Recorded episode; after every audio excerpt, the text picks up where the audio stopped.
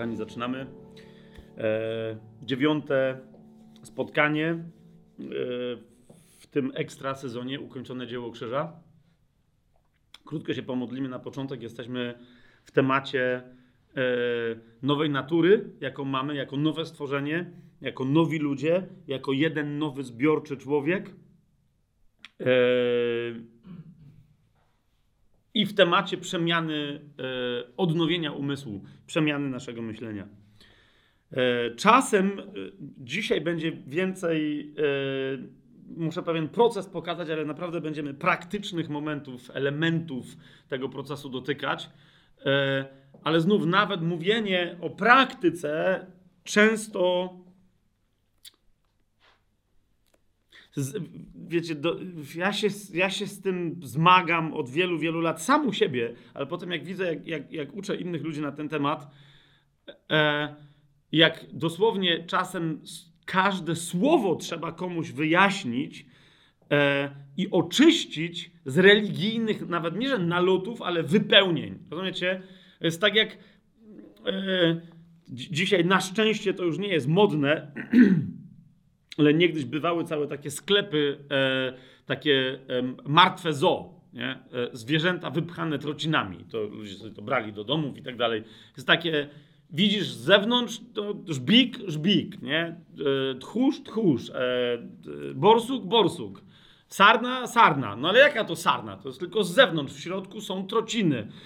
I my, jakby wiecie, mamy w Słowie Bożym precyzyjne instrukcje, dosłownie, jak pewne rzeczy zrobić opisy, e, jak siebie znaleźć w ramach jakiegoś procesu, na jakim etapie jestem i tak dalej, i tak dalej.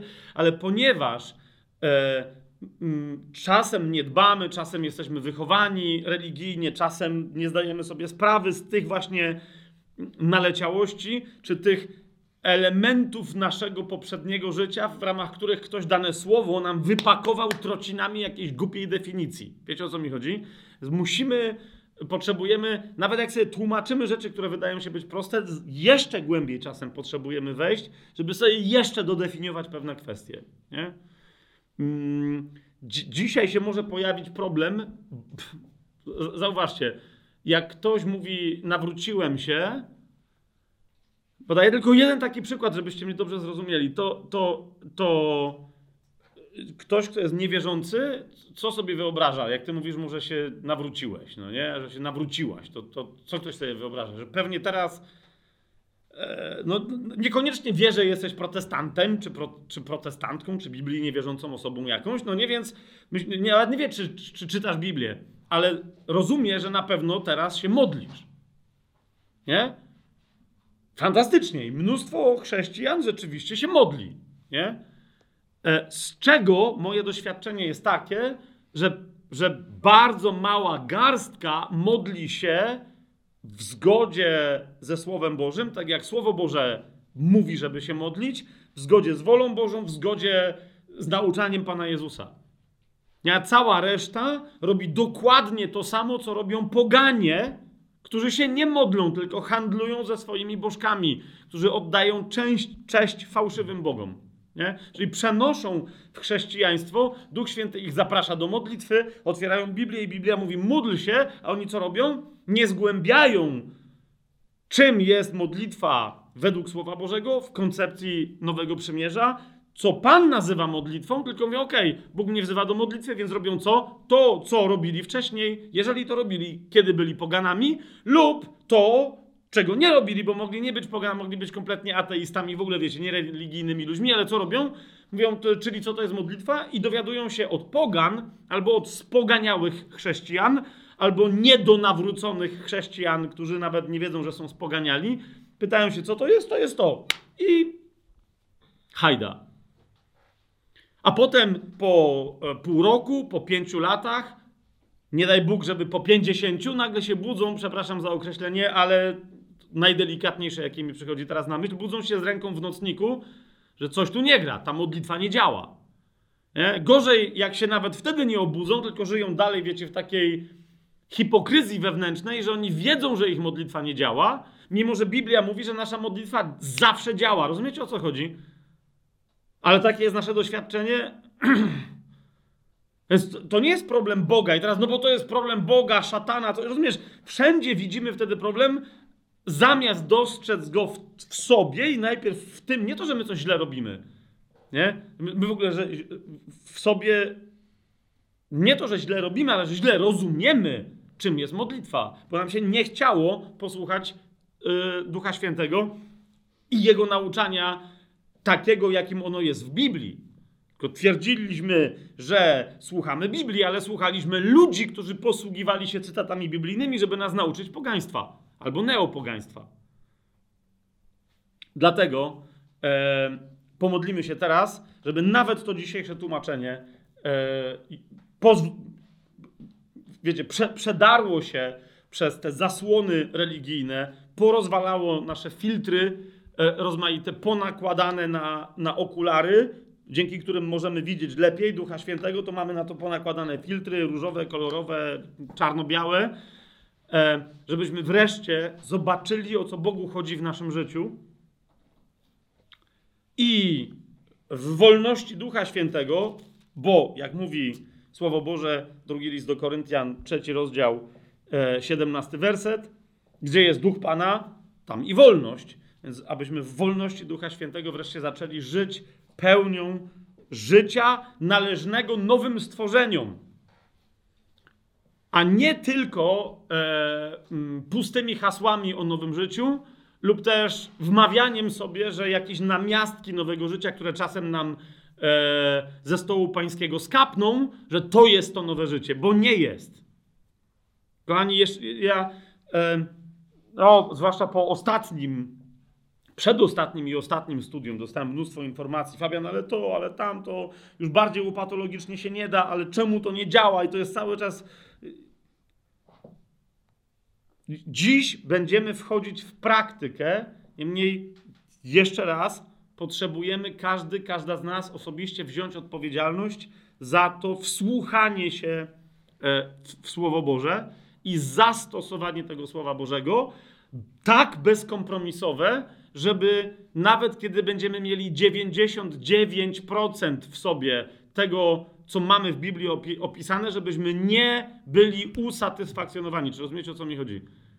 To E, ktoś tam mi mówi, że to, ale to już działa, tam to działa, przecież to już jest super, to dobrze jest. Jeszcze raz, my, Pan Jezus, zobaczcie, o, jakim, o, niektórzy mówią, że to jest, to jest maksymalistyczne myślenie. Pan Jezus był maksymalistą i nikim więcej w takim razie.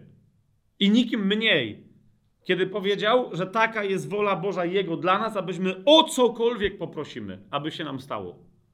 Na przykład. Mamy takie doświadczenie? Nie mamy. Dlaczego? Jakby odpowiedź jest bardzo prosta, jeżeli żyjemy nowym, yy, naturą nowego stworzenia, nowego, nowego człowieka w sobie. Jeżeli nie, to nie ma odpowiedzi żadnej teologicznej, która by usprawiedliwiała ten stan rzeczy. Czy rozumiecie, o co mi idzie? I dlatego Niezależnie od tego, jaka to będzie łopatologia, jak trzeba będzie, to do, do końca swojego życia będę łopatologicznie pewne rzeczy wykładać i poetycko, i głęboko, tak jak każdy będzie potrzebować, byle tylko, byle tylko nie, nie, nie było w nas zgody na, na kompromisy jakiekolwiek w tej kwestii, byle tylko zawsze było w nas pragnienie, aby mieć wszystko to tak, jak Pan chce, żebyśmy mieli, abyśmy byli zawsze kompletnie tym, kim Pan Jezus, Ojciec, Duch Święty chcą, żebyśmy byli. Dlatego dziś e, znowu może dla niektórych to, co dzisiaj powiem, nie zadziałać, albo ktoś powie, no tak, ale to jest, e, to jest, to jest jasne, to jest, to jest oczywiste. No to przecież to jest jasne, że to, że to, że to. Jeszcze raz, to, że o tym wiemy, że jest tak, że znamy te słowa i tak dalej. Pamiętaj, niech ci to nie da spokoju. Jeżeli to, co wiesz, nie przekłada się w Twoim życiu, jeżeli to, co ja wiem, nie przekłada się w moim życiu na owoc, to znaczy, że mi się tylko wydaje, że ja to wiem. Czy rozumiecie, o co mi chodzi? Nie? E, parę osób mnie tak troszkę przeatakowało, w, w, w, bardzo dobrym sensie, nie? ale jakby Fabian, to, e, Ile tego jeszcze można tłumaczyć? Już potrzebujemy owocu. I moja odpowiedź była cały czas, no ale masz owoc? Czy, czy trzeba aż takiego patologicznego wykładu? No ale jeszcze raz, po to było spotkanie Studium 00. Tak? Nie potrzebujesz, jeżeli masz te wszystkie owoce, które tam wtedy opisałem w swoim życiu, chodzisz w tym, żyjesz tym, to nie potrzebujesz tego studium. Ale jeżeli tam tego nie masz, to nie jest żadną odpowiedzią w Twoim życiu, kiedy sobie mówisz, ale ja to już wiem. Rozumiesz pytanie, jeżeli to wiesz, to czemu tego nie praktykujesz? Nie? Ale może wcale nie wiesz. Może tylko potrafisz to powiedzieć jak formułkę. Wiecie, e, ja chodziłem na, na, na, na, różne zajęcia w podstawówce starej polskiej komunistycznej. Rozumiem, jak się komunizm skończył, to polska szkoła też się zmieniła, żeby nie było, że kogoś dzisiaj obrażam. No ale w komunistycznej szkole tak było. Że jakby wiecie, wiele przedmiotów polegała rzecz cała na tym, żeby nauczyć się definicji paru, regułek, przyjść, nie? jak cię pytają przy tablicy, żeby powiedzieć z pamięci nawet, o co to tam chodzi, bez kompletnie bez zrozumienia. Jak tylko to poszło super, fantastycznie, zapomnij, idźmy dalej. Nie? Wiecie, jako, jako młody chłopak się uczyłem na matematyce, różnych całkowania, różniczkowania, znałem definicję, nie potrafiłem nic zrobić, no nie? I, by, I znałem na pamięć na biologii definicję mitochondrium czegoś, a dzisiaj wiesz o co chodzi. Ale nawet wtedy jakby wiedziałem, co mam powiedzieć. No nie, bo w podręczniku miałem zakreślone na czerwono to. Te dwa zdania musisz wiedzieć, bo pani Cesia będzie o to pytać. Ale jakby co to znaczy? Ale co, co to, ani jej to nie interesowało, ani... I my często w chrześcijaństwie to dokładnie tak mamy. Rozumiecie? Że mamy wykute na pamięć nawet całe fragmenty z Biblii, które nam się wydaje, że je rozumiemy, bo je pamiętamy i potrafimy je odtworzyć, ale jakby Następnie, nie? E, jak Reinhard Hirtler w pewnym momencie przyjechał, e, nie to, że przyjechał w pewnym momencie do Polski, bo przyjechał, ale w pewnym momencie przyjechał z tematem, że czy aby na pewno e, modlitwa wstawiennicza jest czymś, co istnieje w Nowym Testamencie, bo przecież jest tylko jeden wstawiennik, czyli tylko on powinien się modlić wstawienniczo, tak? Wstawiennik, czyli pośrednik. Ktoś, kto się wstawia, czyli Jezus. No to my od razu, rozumiecie, zrobił się cały szał i nikt nie zapytał zaraz, ale nie tylko to jest oczywiste, myśmy to zawsze robili, no, ale pytanie brzmi, ale gdzie ty masz w Biblii pozwolenie na to, żeby być czyimś pośrednikiem? Jeżeli jednocześnie wyznajesz, że jedynym pośrednikiem jest Jezus. Rozumiecie, o czym mówię? Cała praktyka w kościele, Jezus powiedział wyraźnie: Nie bądźcie jak poganie, którzy kiedy czegoś potrzebują od swojego bóstwa, gadają w kółko. Nie? Gadają w kółko. Nie bądźcie jak poganie. I Biblia mówi wyraźnie, jak ma wyglądać nasza modlitwa prośby. Ma być błyskawiczna. A tymczasem zobacz, ile masz całych tradycji w protestantyzmie, w chrześcijaństwie ewangelicznym i tak dalej. Czego? Tak zwanej usilnej modlitwy sprawiedliwego. Kompletnej, starotestamentowej koncepcji, której nie ma w Nowym Przymierzu, a to, że się pojawiają pewne wątki na temat usilności modlitwy, to nie znaczy, że ona ma wyglądać jak modlitwa pogańska. Rozumiesz? Że ty w kółko przychodzisz do Boga i dopóki się coś nie wydarzy w twoim życiu, to ty w kółko go prosisz, bo jeszcze, jeszcze jesteś niewysłuchany. To jest kompletne niezrozumienie, czym jest ukończone dzieło krzyża. Ale zobaczcie, co jest grane. Jak otworzysz komuś Biblię i powiesz, hej, ale masz poprosić i od razu podziękować, bo jeżeli prosisz zgodnie z wolą, wszyscy znają wszystkie cytaty, które trzeba znać. Ale potem przychodzi do praktyki i mówią, no ale tu nadal nie ma uzdrowienia, tu nadal nie ma pieniędzy, tu nadal nie ma przełomu, tutaj nadal nie e, nadal nie ma. No jeżeli nie ma pod wpływem twojej dotychczasowej modlitwy, to może czas najwyższy ją skończyć i zastanowić, co ty w ogóle robisz. Bo inaczej koniec końców się okaże, że Bóg jest winny, a jest. Więc dlatego, kochani, jeszcze raz, żebyśmy e, Nieważne, czy się teraz ktoś ze mną zgadza, nie zgadza, ze Słowem Bożym, moim porozumieniem, interpretacją tego, o czym teraz będziemy mówić, ale musimy, to jest czas w całym ciele Chrystusa, w taki czy inny sposób, wszędzie wszyscy rozważają centrum, którym jest Chrystus, ukrzyżowany i zmartwychwstały. Dlaczego? Bo musimy sobie uczciwie powiedzieć, że wszystkie obietnice, które mamy w Biblii, dzisiaj będzie parę fragmentów, gdzie Słowo Boże nam o nich wspomni. A może nie dzisiaj, może, może dzisiaj się nie dorobimy. Ale e, zauważcie, ile my mamy obietnic. Co nam jest zagwarantowane w Biblii. I, i na, nawet jeżeli nie umiemy sobie odpowiedzieć na to pytanie, to jest czas najwyższy, żebyśmy przynajmniej przyznali, że coś jest nie tak z naszym życiem, coś jest nie tak ze stanem całego Kościoła, że Biblia mówi, że my coś mamy, a my tego nie mamy. Biblia się nie może mylić. Więc, więc po, po czyjej stronie? Gdzie jest błąd? Bożej? Bóg się pomylił? Bóg coś obiecał, a nie dał? Bóg mówi, że już dał, a nie dojechało? Co jest grane? Rozumiecie, o co idzie? Jeszcze raz, według mnie kluczem jest zrozumienie ukończonego dzieła krzyża. Co się stało, kiedy, dlaczego Pan Jezus na krzyżu zawołał, wykonało się i jakie to ma znaczenie dla nas. Duchu Święty, dziękujemy Ci za Twoją obecność pośród nas. E, myślę, że znów e, powagę i wagę e, tego naszego rozważania właściwie na wagę naszego osądu położyłem. E, rozumiemy, o co tu się bój w nas toczy. Nie z diabłem, nie z grze... Po prostu w, w naszym sposobie myślenia, o jaki nowy sposób myślenia w nas chodzi, o jaki owoc w naszym życiu chodzi. Dzięki Ci, Duchu Święty, że jesteś tutaj z nami.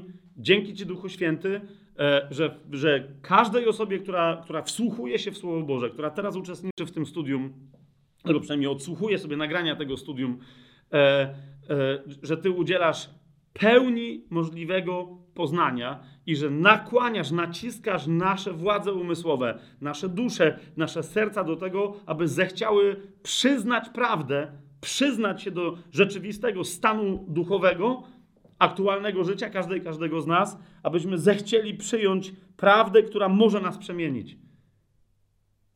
I tak, jak my tego pragniemy, ale przede wszystkim tak, jak Ojciec tego chce, jak Jezus, który jest naszym Panem, tego chce. Amen. A więc, kochani, nie będę robić teraz podsumowań i tak dalej, tylko ukończone dzieło krzyża w ramach tego naszego studium do ostatniego naszego spotkania stwierdziliśmy, że jest tożsame z nowym stworzeniem. W centrum wszystkiego tego, co jest związane z ukończonym dziełem krzyża, jest nowe stworzenie.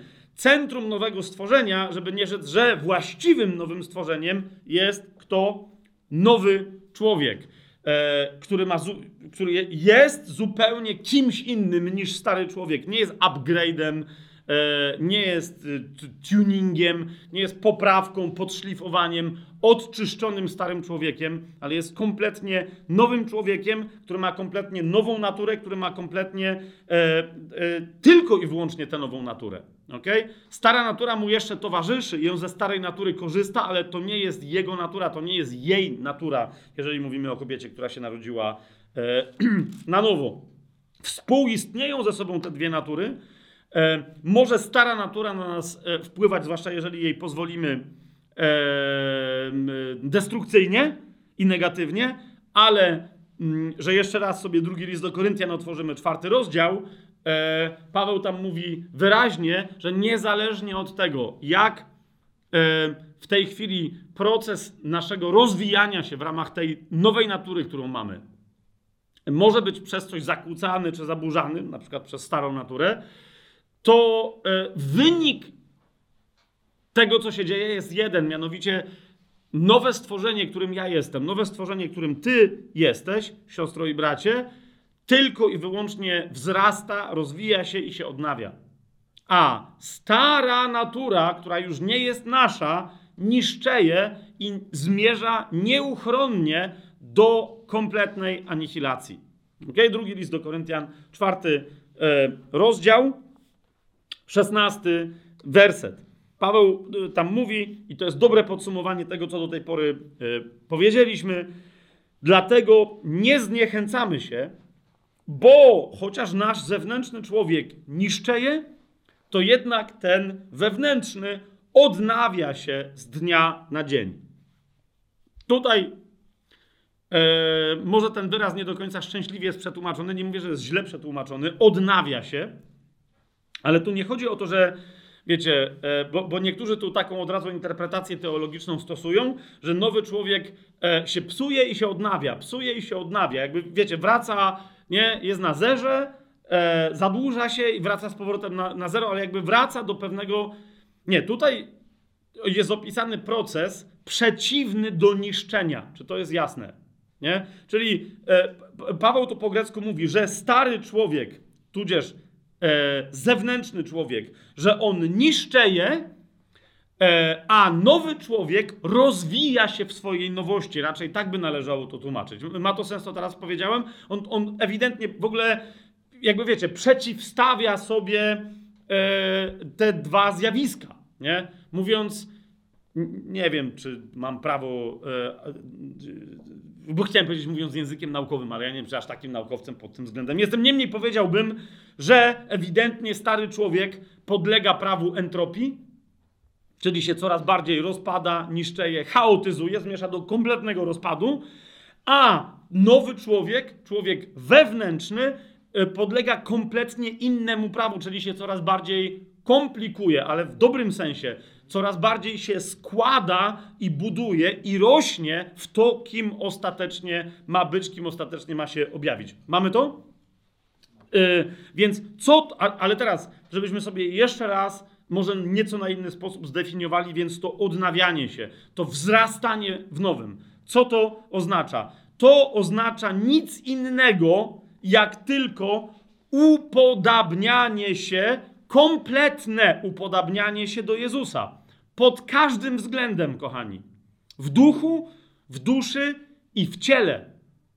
Pod każdym względem. To jest bardzo istotne.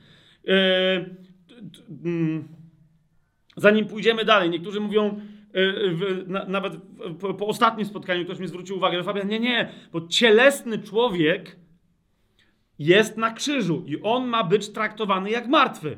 Owszem, Pamiętaj, że ciało w Biblii najczęściej oznacza naturę, tak? A nie sam. Rozumiesz, bo gdyby to ciało było martwe, to by było martwe w sensie dosłownym. Natomiast ciało w Biblii, słowo sarks, ono zazwyczaj oznacza naturę cielesną, która jest nazywana człowiekiem zewnętrznym lub też człowiekiem duszewnym i tak dalej, i tak dalej, i tak dalej. Nie? Więc co to oznacza? Że uśmiercona jest natura cielesna, ale fizyczne to ciało, ono dalej funkcjonuje. I teraz zauważcie, kiedy natura cielesna jest uśmiercona, to czym się staje moje to fizyczne ciało? Świątynią Ducha Świętego. Rozumiecie o co idzie? To, więc to nie jest tak, że my mamy kompletnie e, e, traktować swoje ciało w sposób deprecjonujący jakkolwiek. Absolutnie nie. Absolutnie nie. Ono ma być w formie, on, ono ma być w naszych, w rękach naszego ducha, że tak powiem, w rękach naszego ducha ma być skutecznym narzędziem służenia Panu. To ciało, tak? Ale ono ma być w rękach ducha, a więc ma być podległe duchowi, to stare ciało, a nie duszy w jej starym, yy, yy, yy, w jej starej koncepcji. Tak? Dusza też się musi poddać, czyli emocjonalność nasza stara, cielesność właśnie, zmysłowość, duszewność musi się poddać duchowi. Tutaj chodzi o zasadę rządzącą ciałem, a nie o samo fizyczne ciało. Czy mamy to? Jest to, jest to zrozumiałe? Dlatego jeszcze raz powtórzę, ten proces wzrostu e, wewnętrznego człowieka, rozwoju e, nowej natury w nas jest procesem kompletnego upodabniania się do Jezusa pod względem duchowym, emocjonalnym, intelektualnym, społecznym, a nawet fizycznym. Okay? A nawet fizycznym. I jak ktoś będzie mieć problem z tym, to dzisiaj tego problemu też dotkniemy, nie? Bo parę osób też do mnie się zwróciło, że Fabian, wszystko to super, ale nowy człowiek jest tylko duchowy. Błogosławieństwa, które mamy, wszystkie możliwe są duchowe. One nie mają fizycznego, czy materialnego, czy biologicznego wymiaru. Więc na przykład Y, spokoju finansowego w życiu, dobrobytu materialnego, e, tak żeby też innym móc pomagać, zdrowia fizycznego i tak dalej, nie mamy prawa się spodziewać. Nie, to nie jest prawda i dzisiaj między innymi pokażę, że nowa natura duchowa wpływa także na ciało. Czy Jezusowi kiedykolwiek czegokolwiek brakowało w życiu? Czy Jezus nie był w stanie e, materialnie kogoś pobłogosławić? Czy Jezus kiedykolwiek chorował? Rozumiecie? Czy kiedy widział chorobę innych, nie był w stanie kiedykolwiek e, czegoś z tym zrobić?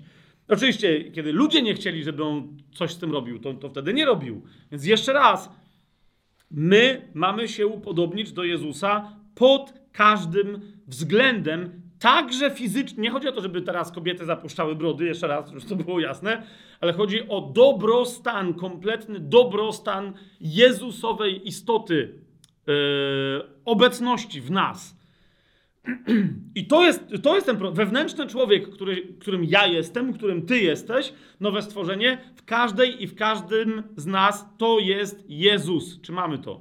Tak? I teraz, kochani, powiedzieliśmy sobie ostatnio jeszcze jedną rzecz, mianowicie, że ta przemiana i ten proces jest możliwy wyłącznie, żebyśmy my dziś już dzisiaj, e, żebyśmy już dziś mogli doświadczać tej kompletności. O to, o to mi chodzi.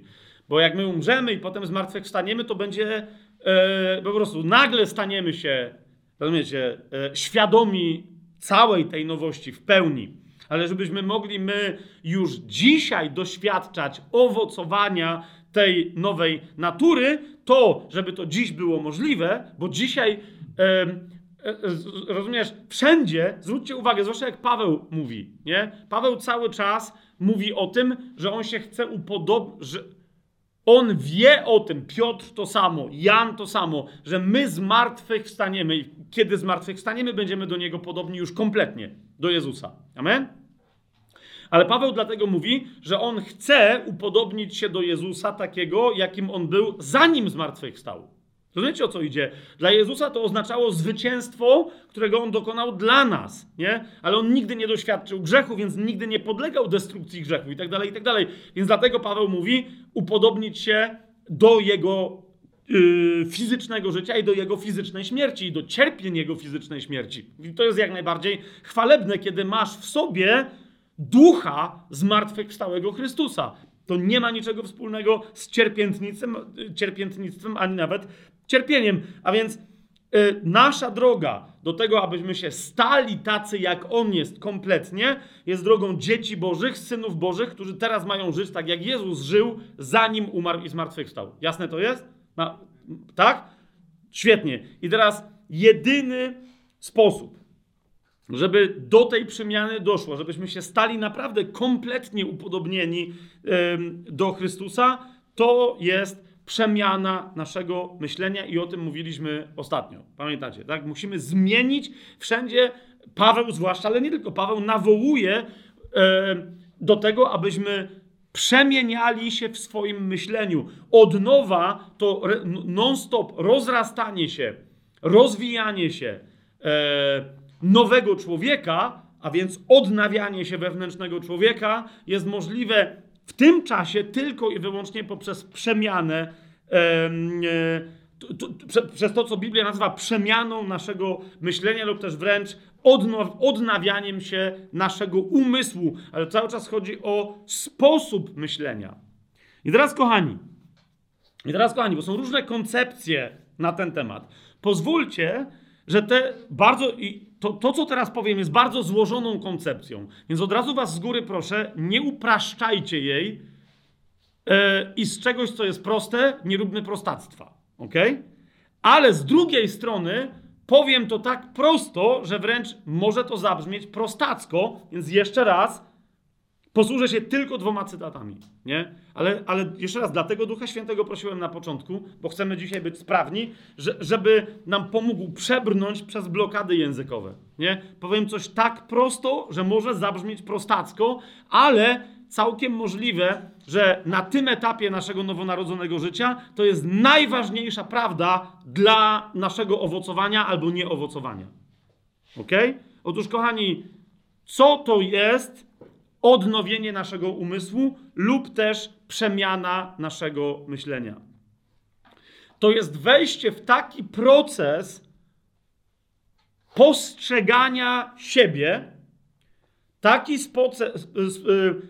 proces, w ramach którego nauczymy się postrzegania Boga, postrzegania siebie i w związku z tym wszystkiego innego, który nas doprowadzi, bo Duch Święty nas chce doprowadzić, jeszcze raz mówię, to jest proces, ale na, do, na końcu tego procesu mamy zacząć przestać myśleć jakimkolwiek swoim sposobem dotychczasowym myślenia, a zacząć myśleć tylko i wyłącznie umysłem Chrystusa. Ok? Tylko i wyłącznie umysłem Chrystusa. Teraz e, dwa cytaty obiecałem. Ok? Pierwszy, teraz dlaczego, dlaczego Dlaczego tak się ma stać? Bo zauważcie, zauważcie, nie chodzi o to, aby w nas ten umysł został ukształtowany, stworzony, zbudowany. Rozumiecie? Chodzi o to, że my w sobie już mamy umysł Chrystusa. I niektórzy bazując na tym, czasem też mi zarzucają, mówią, Fabian, plączesz się, bo raz mówisz, że pewne rzeczy są w procesie i się mają rozwijać, a, a z drugiej strony mówisz, że już jest... Jeszcze raz, to, że ja jestem wewnętrznym człowiekiem, nie znaczy, że z wszystkich walorów, cech charakterystycznych, mocy i właściwości tego wewnętrznego człowieka korzystam, tak? Rozwijam się. Zauważcie, Pan Jezus, jak przyszedł na świat, był malutki i nie umiał chodzić. Wyraźnie Biblia nam nie mówi, tylko wyraźnie mama go nosiła, tata i tak dalej, i tak dalej, nie? I potem cały czas Łukasz zwłaszcza pisze o czym, że wzrastał w łasce, wzrastał w mądrości u Boga i u ludzi. On nawet przechodził pewien proces, a nie po prostu pojawił się od razu z brodą 30-letnim, mówi, no to hello, zacznijmy działania. Nie, tylko rósł, nie? Przechodził rozmaite etapy, w ramach które, których dochodził do dorosłości, a jako dorosły także czekał na swój czas, przeszedł do odpowiedzialności pełnej za swoje słowa, czyny yy, i dalej, i tak dalej. I mógł się stać osobą publiczną. I to samo z umysłem. Pierwszy cytat, który jest dla nas bardzo istotny, to jest to, my nie, Bóg nie musi nas uczyć Chrystusowego sposobu myślenia, bo On nam dał cały ten sposób. Nie? Pierwszy list do Koryntian, jeszcze raz przypomnę, bo mówiliśmy o tym ostatnio, ale to jest e, w, w, w ramach tego sposobu, e, te, tego dyskursu, który teraz podjąłem, to może inaczej e, ta prawda zabrzmi, inaczej ją podkreślę. Pierwszy list do Koryntian, drugi rozdział, szesnasty werset. Kto bowiem poznał umysł Pana? Kto będzie go pouczał? Nie? Rozumiecie, to jest na zasadzie e, no nikt, bo nikt nie ma umysłu Boga. Czy to jest jasne? Nie? E, Okej. Okay. E, popatrzcie na inne miejsce, gdzie Paweł zadaje takie samo pytanie. Żebyśmy, bo, bo wiecie, my jesteśmy tak przyzwyczajeni do takich fragmentów, że no właśnie, spójrzcie na to. E, w jedenastym rozdziale listu do Rzymian. Dobrze mówię teraz? No tak, w jedenastym rozdziale listu do Rzymian. Nie, nie przygotowałem sobie tego fragmentu, ale jeszcze raz, on jest tu potrzebny, żebyśmy zobaczyli. Paweł rozważa tam co? Że Izrael miał wszystkie obietnice, a zbawienie przyszło do pogan, a Izrael został w swoim nawróceniu przytrzymany. Pamiętacie, cała tajemnica narodu Izraela. I to jest szokujące, co tam Paweł mówi. Nie? Mimo, że oni nie wierzą i tak dalej. Zobaczcie, 11 rozdział listu do Rzymian. Mm, e, jak w 32 wersecie Paweł dochodzi w, mimo że wszystko wyjaśnił, to niektórzy czytają po 100 razy ten 11 rozdział i mówią, dalej nie wiem, co jest grane. Nie? To Paweł, nie wiadomo, czy ich tam jest za nimi, czy przeciwko nim. Teraz tu weszli poganie, a oni wejdą, nie wejdą. Trzeba mieć wiarę, nie trzeba wiedzieć. Ludzie nie potrafią zrozumieć. Zobaczcie, 32 werset Paweł mówi, Bóg bowiem zamknął ich wszystkich w niewierze, aby się nad wszystkimi zmiłować. I najwyraźniej pod Duchem Świętym uznał, okej, okay, dobra, ja wiem o co chodzi, ale tu Albo ktoś zrozumie to w Duchu Świętym, albo nie ma sensu, żebym dalej pisał. I zauważcie, co napisał, 33 werset. O głębokości bogactwa, zarówno mądrości, jak i poznania Boga. Jak niezbadane są Jego wyroki i niedocieczone Jego drogi. I zobaczcie, co on tu mówi. Któż bowiem poznał myśl Pana, albo kto był Jego doradcą? Tylko, że po co on to tutaj mówi? Że nigdy w życiu Boga nie zrozumiał. Ja wiele nauczeń słyszałem w, w, tym momencie. I ludzie mówili, no bo to jest taka tajemnica z Izraelem, że to my tego nie jesteśmy w stanie zrozumieć. Przecież on ją tu wyjaśnił. Tylko powiedział, że nikt tego wyjaśnienia nie zrozumie, kto nie będzie miał czego? Umysłu Chrystusa, którym się będzie posługiwać. O to chodzi. Bo on pisze do wierzących, ale mówi nadal, nie? Zauważ, 34. Kto bowiem poznał myśl Pana? Nie? To jest wezwanie Pawła, myślcie umysłem Chrystusa, wtedy wszystko zobaczycie jasno. Albo inaczej, myślcie cieleśnie, a wtedy niczego nie zrozumiecie. I teraz jeszcze raz przeskoczmy sobie, teraz to jest to samo pytanie, drugi rozdział pierwszego listu do Koryntian. Drugi rozdział, szesnasty werset. Kto bowiem poznał umysł Pana? Widzicie to? To jest to samo pytanie, które w Starym Testamencie oznaczało no nikt. Bo trzeba byłoby chyba być Bogiem lub też Chrystusem, żeby mieć jego umysł. I on, y, y, Paweł mówi, że no owszem, w drugim rozdziale, spójrzcie, czternasty werset, cielesny człowiek nie pojmie tych rzeczy i nie pojmuje tych rzeczy, które są z Ducha Bożego. Są bowiem dla człowieka cielesnego głupotą i nie może ich poznać, ponieważ rozsądza się je wyłącznie duchowo. Nie? Człowiek zaś duchowy rozsądza wszystko, ale sam przez nikogo nie jest sądzony. Co już jest, to jest drugi rozdział pierwszego listu do Koryntian, Ania, yy, od 14 wersetu czytam. Człowiek sam nie jest przez nikogo sądzony. Samo to sformułowanie, zauważcie, jest sformułowaniem, które się może tyczyć tylko Boga. On wszystkich rozsądza, wydaje słuszny osąd, ale sam nie jest przez nikogo sądzony, bo on jest sędzią. Sędziego się nie sądzi, nie? I nagle Paweł, zwróćcie uwagę, jak tu jest szokujące to sformułowanie w szesnastym wersecie tego drugiego rozdziału pierwszego do Koryntian mówi, któż bowiem poznał umysł Pana, kto go będzie pouczał? Ale my mamy umysł Chrystusa. To, rozumiesz, nowe stworzenie od początku ma kompletną naturę Chrystusa, ale nie od początku umie się nią posługiwać i dlatego wewnętrzny człowiek, który jest wewnętrzny, rozumiesz, ma taką samą naturę jak Chrystus, bo jest Synem Bożym. Dzięki niemu, tak? Ma rosnąć i teraz ten umysł, który już ma, musi się zacząć uczyć nim posługiwać. I o tym, że y, taki proces istnieje, ten sam Paweł, który napisał, my mamy umysł Chrystusa, ale zauważ, on nie za... Patrz, za chwilę E, e, może nie do końca zwyzywa, ale prawie że zwyzywa Koryntian, mówiąc, no a wy cały czas jesteście jak dzieci.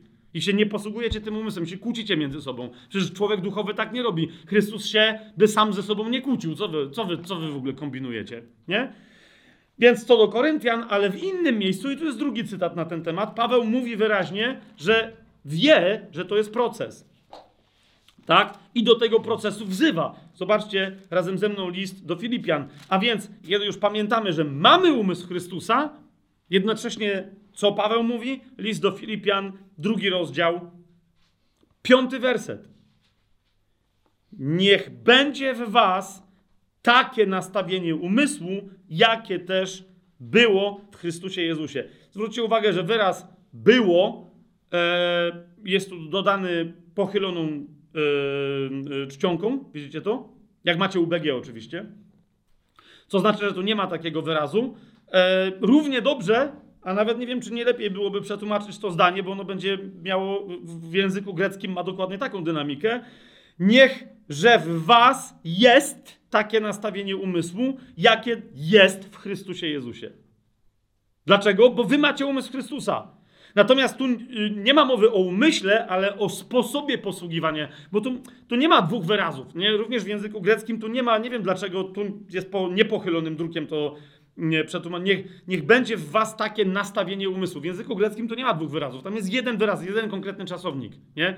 Niech w was będzie takie myślenie, posługiwanie się umysłem. No jeszcze raz, nie mamy dobrego, okej, okay, no może te dwa wyrazy rzeczywiście oddają ten jeden grecki, nie? Ale jeszcze raz, tu nie chodzi o nastawienie umysłu, to jest takie punkt widzenia, niech was będzie. Nie! Paweł tutaj pisze: myślcież tak, wy, jak już myśli Chrystus. Jasne to jest? Co znaczy? Jednocześnie Paweł mówi: no, nie do końca wszyscy, niekoniecznie wszyscy, nie do końca myślą teraz tak jak Jezus, chociażby mogli. Czy to jest jasne? Nie? Zaraz, kochani, Mamy więc za zadanie. I Paweł wiel... ostatnio przywoływałem parę czy paręnaście cytatów, które mówiły o tym, odnawiajcie się w swoim myśleniu. Tak? Mamy to? Teraz, kochani, podam dzisiaj, e, okej, okay, e, ja sformułowałem sobie cztery punkty, jak wygląda proces przemiany myślenia. Żebyśmy my dobrze to zrozumieli, nie? Bo ludzie czasem myślą, że wiecie, że to chodzi o to, że trzeba sobie siąść i myśleć. Znaczy też, ale nie tak. Właśnie to nie, że to jest takie e, pomyśl. To, to nie, rozumiecie, to nie jest ludzka przemiana sposobu myślenia. To nie jest takie, ej, e, do tej pory robiło się coś tak. I ktoś przychodzi i mówi, chciałbym zmienić troszeczkę twoje podejście mentalne do tego, co gdybyś zaczął robić to tak, nie? Orało się, zaprzęgało się konie, stawiało się pług i się ciągnęło. Ale teraz patrz, a teraz jest traktor. Jest nowy sposób myślenia. Rozumiecie o co mi chodzi? I często ludzie tak do tego podchodzą, że aha, przemiana myślenia teraz jest takie, muszę sobie zmienić e, sposoby, nie? Można liczyć, e, pi, e, dzielić i mnożyć pisemnie, ale możesz też kalkulatorkiem, no nie? I to będzie szybsze. I to jest e, przemiana sposobu myślenia. To jest, to jest, to jest, to, tu nie o to chodzi zupełnie. Ten proces, ja osobiście, ktoś go może opisać trzystopniowo, dwustopniowo. Widziałem też siedmiostopniowe opisy w teologii biblijnej. Dla mnie e, najba, naj, naj, najłatwiejszym do ogarnięcia jest taki czterostopniowy, czy na cztery, w czterech stopniach opisany proces przemiany myślenia. Mamy to? I teraz, kochani, ja dzisiaj nie, żeby jeszcze raz, e, bo niektórzy są bardzo niecierpliwi. Z jednej strony wszyscy prawie chcą, żeby były półtora godzinne spotkania, ale potem jak kończę półtorej godziny, to nagle trzeba było ciągnąć dalej. No nie, spokojnie.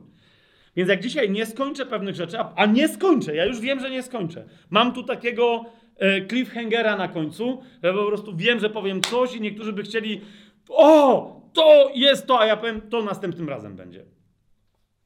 Ale też możecie mieć inne pytania. Mam nadzieję, że odpowiem na nie w przyszłości, jak w następnych, e, w 10, 11, 12 wykładzie. A jak nie, to zrobimy ekstra wykłady, które będą tylko i wyłącznie pytaniami i odpowiedziami w związku z sezonem Ukończone Dzieło Krzyża. Okay? I mówię do tutaj, mówię do tych, którzy nas to oglądają przez internet teraz na żywo i tych, którzy będą odsłuchiwać tego kiedyś jakichś nagrań.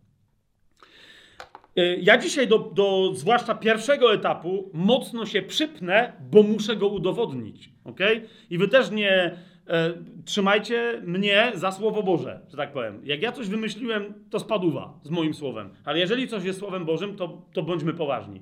Tak? I bądźmy uważni na to, co mówi Słowo Boże. Przedstawię więc, według, jak według mnie ten proces, proces autentycznego przemienienia naszego umysłu. Czyli tak, żeby się pozbyć swojego starego sposobu myślenia, a zacząć się posługiwać w sobie umysłem Chrystusa. Ma to sens cały czas, co, co mówię? Dobrze. Więc kochani, są cztery punkty. I pierwszym punktem, bez którego nic się nie zmieni w Twoim myśleniu, to będzie myślenie nadal życzeniowe, to będzie nadal myślenie, ja wiem, ale nic się nie stanie w Twoim myśleniu. Pierwszym punktem jest poznać Jego.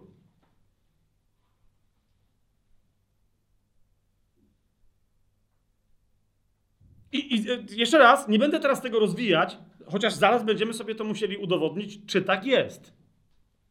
Ale zwróć uwagę, nie? E, jak wiele osób e, kupuje, że tak powiem, Jezusa i potem budują całe swoje praktyczne chrześcijaństwo, życie wiary, budują na wizerunku który ani w duchu nie został im przekazany, ani nawet w, w literze w Biblii. Nie? Autent, spójrzcie na, na filmy o Jezusie. Nie? Typu Zefirellego i tak dalej, ale nawet Mela Gibsona. Nie? Zobaczcie, jak ci aktorzy, którzy tam grają, niektórzy nawet są tam jakimiś katolikami i tak dalej. Teraz ten serial The Chosen, rozumiecie? Uważam, że w niektórych scenach ci aktorzy grają dobrze, niedobrze i tak dalej. I teraz nie chodzi mi o to, że ja wiem, jak Jezus się zachowywał, tylko wiem, co jest w Biblii napisane. Nie? Zwróćcie uwagę, jak wszyscy unikają tematu e, gniewu u Jezusa. Absolutnie. Jezus w tych filmach musi być miły. Musi być nie, że uprzejmy, nie, że. Ja teraz nie, nie chodzi mi o to, ktoś mi ostatnio zwrócił uwagę, że co ja uważam, że Jezus nie był miły, Wyobraź sobie, że ja nawet czasem potrafię być miły. Obczajacie to? Na, naprawdę. Ale to nie znaczy, jak jestem czasem miły, że nie mogę czasem być niemiły i że nie ma usprawiedliwienia dla bycia niemiłym. Rozumiecie, o co mi idzie? To samo z Jezusem. No umówmy się, podawałem parę przykładów ostatnio i jeszcze wielokrotnie podawałem przykłady Jezusa, który jest niemiły. I teraz widzisz sęk w tym, że ludzie w tych scenach nie rozumieją, czemu Jezus, jakby powierzchownie patrząc, jest niemiły. Więc je pomijają. Dlaczego? Ponieważ wyznają miłego Jezusa, a nie prawdziwego Jezusa. Nie?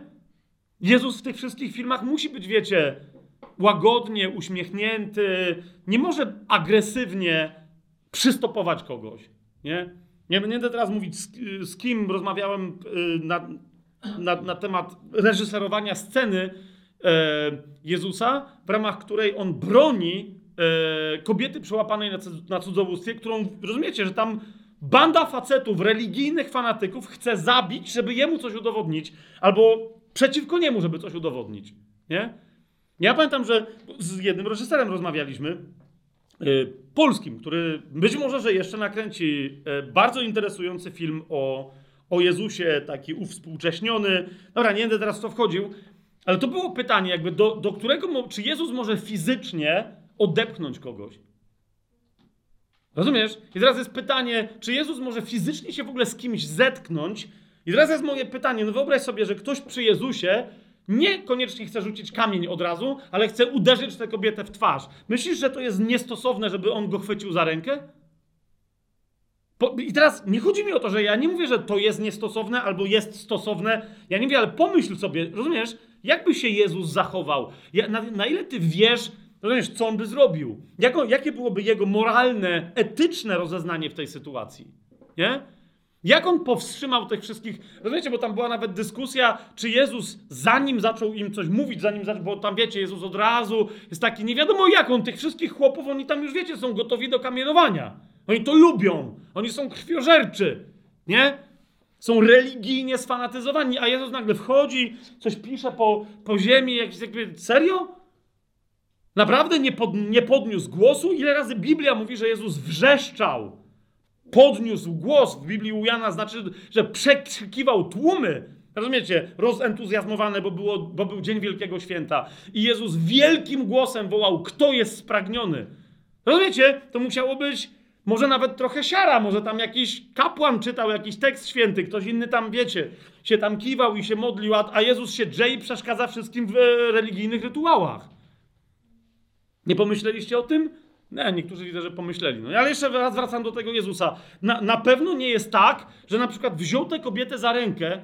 Wyobraź sobie, nie jest to możliwa scena, że on ją wziął za rękę, odciągnął od nich i oni, bo my tu ją złapaliśmy i rozumiesz, Jezus wyciągnął rękę do przodu i powiedział zaraz. I stanął między nią a nimi. Wiesz o co mi chodzi? I, i w, w tej pozycji powiedział, kto z was jest bez grzechu, to niech pierwszy rzuci kamień, nie? Ja, ja w nią, ale ja stoję tu, ja będę widział. I teraz, jeżeli wy nie wierzycie, że ja widzę, czy macie grzech, czy nie, to się skonsultujmy. A oni już wielokrotnie wcześniej widzieli, zresztą Jan zaczyna od tego całą Ewangelię swoją, nie? Że, y, jak go pisuje Jezus, że on wiedział, co się dzieje w sercu ludzkim i oni o tym też wiedzieli. On wielokrotnie mówił o rzeczach, o których Jezus nie miał prawa wiedzieć, a on nagle okazywało się, że wiedział. Więc on mówi, kto pierwszy rzuca? I teraz zobacz, nie? Czy to jest Jezus, którego zobaczysz w, w, kinie, w telewizji, w serialu i tak dalej? Nie, nie, wiem, bo ja nie oglądam tych. Kiedyś oglądałem, teraz tego The Chosen, pierwszy sezon tam coś z żoną oglądałem. Okej, okay, ale jeszcze raz, skąd się uczysz tego Jezusa? Bo jeżeli od ludzi, którzy mają swoje religijne, e, czasem naprawdę, wiecie, odpustowe wyobrażenie Jezuska, to co się w ogóle dzieje? Nie? A prawdziwy Jezus jest tutaj. Teraz pozna jak się go poznaje, ale jeszcze raz Słowo Boże mówi, najpierw poznaj Jego. Nie czyjeś koncepcje na Jego temat, ale Jego osobiście. Ok? Jego osobiście. Jeden brat, e, oczywiście nie będę mówił jaki, ale brat Tomasz, brat Tomasz wie, że to jest on, na, e, dzwonił do mnie, ja nie mogłem odebrać, przepraszam cię Tomku, napisał do mnie SMS-a i nie odpisałem mu chyba już z 5 dni. Tomasz, to jest moja, tu się zaczyna moja odpowiedź dla ciebie. Napisał mi Yy, dobra, nie będę czytał tego SMS, ale, ale napisał mi, bo wspomniałem ostatnio, kolejny raz o wpatrywaniu się w twarz. Jezus, o czym mówi Biblia. Nie? Yy, yy, trzeci rozdział drugiego listu do Koryntian, osiemnasty werset. My wszyscy, którzy z odsłoniętą twarzą patrzymy na chwałę Pana, jakby w zwierciadle, zostajemy przemienieni w ten sam obraz z chwały w chwałę za sprawą ducha Pana. I on do mnie pisze, i teraz jeszcze raz uczciwe pytanie, bo ja oczywiście, wiecie, myślę, że mamy na tyle dobrą relację, że on wie, że może zapytać, może postawić kontrowersyjną tezę i ja go tam nie spuszczę po brzytwie w związku z tym, ale do mnie napisał, Fabian, co to znaczy? E, Y, patrzeć na chwałę Pana, bo nikt tego nie wie. Tak mi napisał, niekoniecznie, że nikt tego nie wie, tylko bo kogo nie zapyta, to nikt mu nie umie tego logicznie, nielogicznie, praktycznie wytłumaczyć. Mówię, co to, ale co to znaczy? A Słowo Boże mówi, że my wszyscy to robimy. No to robimy to, czy nie robimy, skoro nikt nie umie tego wytłumaczyć? Wiecie, o co mi idzie? Niemniej popatrz, to nie oznacza oglądanie filmów, nawet czytanie Biblii i tak dalej.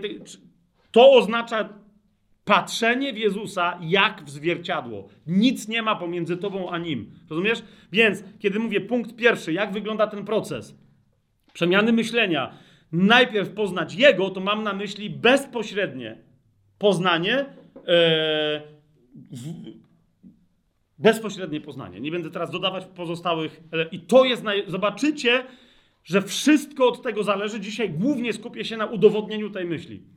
Nie? nie ma żadnej przemiany w życiu człowieka. Ukończone dzieło krzyża nie pojawi się z pełną mocą, w ogóle się nie pojawi z żadną mocą w Twoim czy moim życiu. Żadne owoce z tego nie pojawią się w naszym życiu, jeżeli nie wejdziemy w cały ten proces przemiany myślenia przez poznanie Jego, tak jakby nikt inny nie miał na świecie go znać, tylko ja. Czy Ty. Czy to jest jasne? Jeszcze dzisiaj nieco, a zwłaszcza następnym razem powiem Wam o tym, parę rzeczy, jak dzisiaj mojej żonie powiedziałem. O, to było... Sensacyjne historie. Sekretne bardzo. Tajemny plan znowu będzie opowiadać o tajemnych rzeczach. Nie tajemnych, one są czarno na białym w Biblii napisane, tylko, tylko nikt nie chce ich dotykać, a są tak kluczowe. Niemniej jeszcze raz, punkt pierwszy, poznać Jego. Poznać Pana. Poznać Jego. E, I teraz uważaj, Drugi, niektórzy robią z tego jeden etap, bo mówią, skutkiem tego pojawia się ta druga rzecz. Ja jednak mówię, dobra, po drugie, doświadczyć Jego miłości. Okej, okay, nie poprawiam się, ale uzupełniam. Doświadczyć, jeżeli pierwszy raz to robisz. Doświadczać, jeżeli jesteś w tym procesie. E, ja mam tu dosłownie napisane doświadczyć w nawiasie kolejnego etapu Jego miłości. Czy na kolejnym etapie Jego miłości. Bo to, że ktoś w ramach poznania Pana zbliżył się do Niego i Go zobaczył, nie oznacza, że nie musi tego robić jeszcze raz, jeszcze raz, jeszcze raz i jeszcze raz i jeszcze raz. Zwróćcie uwagę, drugi list do Koryntian, trzeci rozdział, osiemnasty werset. Nie bez przyczyny mówi o tym, że my się przemieniamy z chwały w chwałę, z chwały w chwałę, z chwały w chwałę. Rozumiecie? Ta jedna chwała, która zaczyna we mnie jaśnieć, bo cząstkowo odbiłem pełnię chwały Pana, nie znaczy, że odbijam tę chwałę w pełni, po prostu. Nie? A więc, jak mówię, punkt pierwszy, punkt drugi, punkt trzeci, zobaczycie, że punkt czwarty wywoła powrót do punktu pierwszego. Nie? Ale jeszcze raz, punkt pierwszy, poznać go. Punkt drugi, doświadczyć jego miłości. Niektórzy mówią, no jak go poznasz, to natychmiast doświadczasz, bo nie dasz stąd, ale jeszcze raz, dlaczego ja robię z tego drugi punkt? Bo niektórym się wydaje, że go poznali. I wtedy pytasz, czy masz doświadczenie, nowe doświadczenie, kolejne doświadczenie, świeższe doświadczenie Jego miłości? I ktoś mówi, no nie. To znaczy, że nic w temacie poznania Pana się nie wydarzyło. Czy to jest jasne? Jeszcze raz pokażę Wam to z Biblii, że Biblia o tym mówi wyraźnie. Każdy nowy krok na drodze poznania Pana wiąże się z nowym doświadczeniem Jego miłości w sobie. Po prostu, nie? Z pogłębieniem, z czym, ale musisz, musisz mieć doświadczenie, że to jest coś nowego, że to się poszerzyło, pogłębiło, zintensyfikowało, whatever, jakkolwiek, ale masz mieć poczucie zmiany w doświadczaniu Jego miłości w sobie. Ok? A więc, po pierwsze, poznać Go, po drugie, doświadczyć Jego miłości, po trzecie, w momencie zauważ, czyli masz dowód, że doszło do poznania, nie? Wtedy zadajesz sobie pytanie, jak ten Chrystus, którego właśnie poznaję, ten Pan, na którego znowu kolejny raz w nowy sposób patrzę, jak on różni się w ramach tego, co właśnie poznałem ode mnie. I teraz uważaj, więc punkt trzeci oznacza zmienić swoje myślenie. Ok? E, pod względem tego, co zostało przeze mnie poznane. E, lub, mówiąc e, łopatologicznym językiem, spojrzeć na Chrystusa i powiedzieć sobie, patrząc na Niego i pokazując na Niego, to ja jestem. Okay? To ja jestem. Jak Jezu, ten Jezus, którego teraz właśnie poznałem, jak on myśli w ramach tego aspektu, w ramach którego ja go poznałem. Ma, ma to sens, co, co mówię? Ale teraz uważajcie, bo znowu niektórzy mówią, no i to jest drugi punkt i to jest tyle. Nie, nie, nie, nie, nie. Jeszcze raz, jeżeli poznanie prawdziwe Chrystusa skutkuje doświadczeniem miłości, to punkt trzeci, moja zmiana sposobu myślenia, a więc Jezus nigdy by czegoś tak nie zrobił. Jezus zawsze by to coś tak zrobił. Rozumiecie o co mi chodzi? To jest taki sposób myślenia. Nie? Na przykład, yy, na przykład, czy Jezus modlił się o wskrzeszenia? Czy w sensie, zauważ, czy prosił Ojca o wskrzeszenia? I teraz jeszcze raz, co nam mówi Biblia na ten temat? Czy on wskrzeszał zmarłych? Wskrzeszał. Jeszcze raz, nie chcę ja ci podsuwać mojego poznania. Moje poznanie Pana jest moim poznaniem Pana.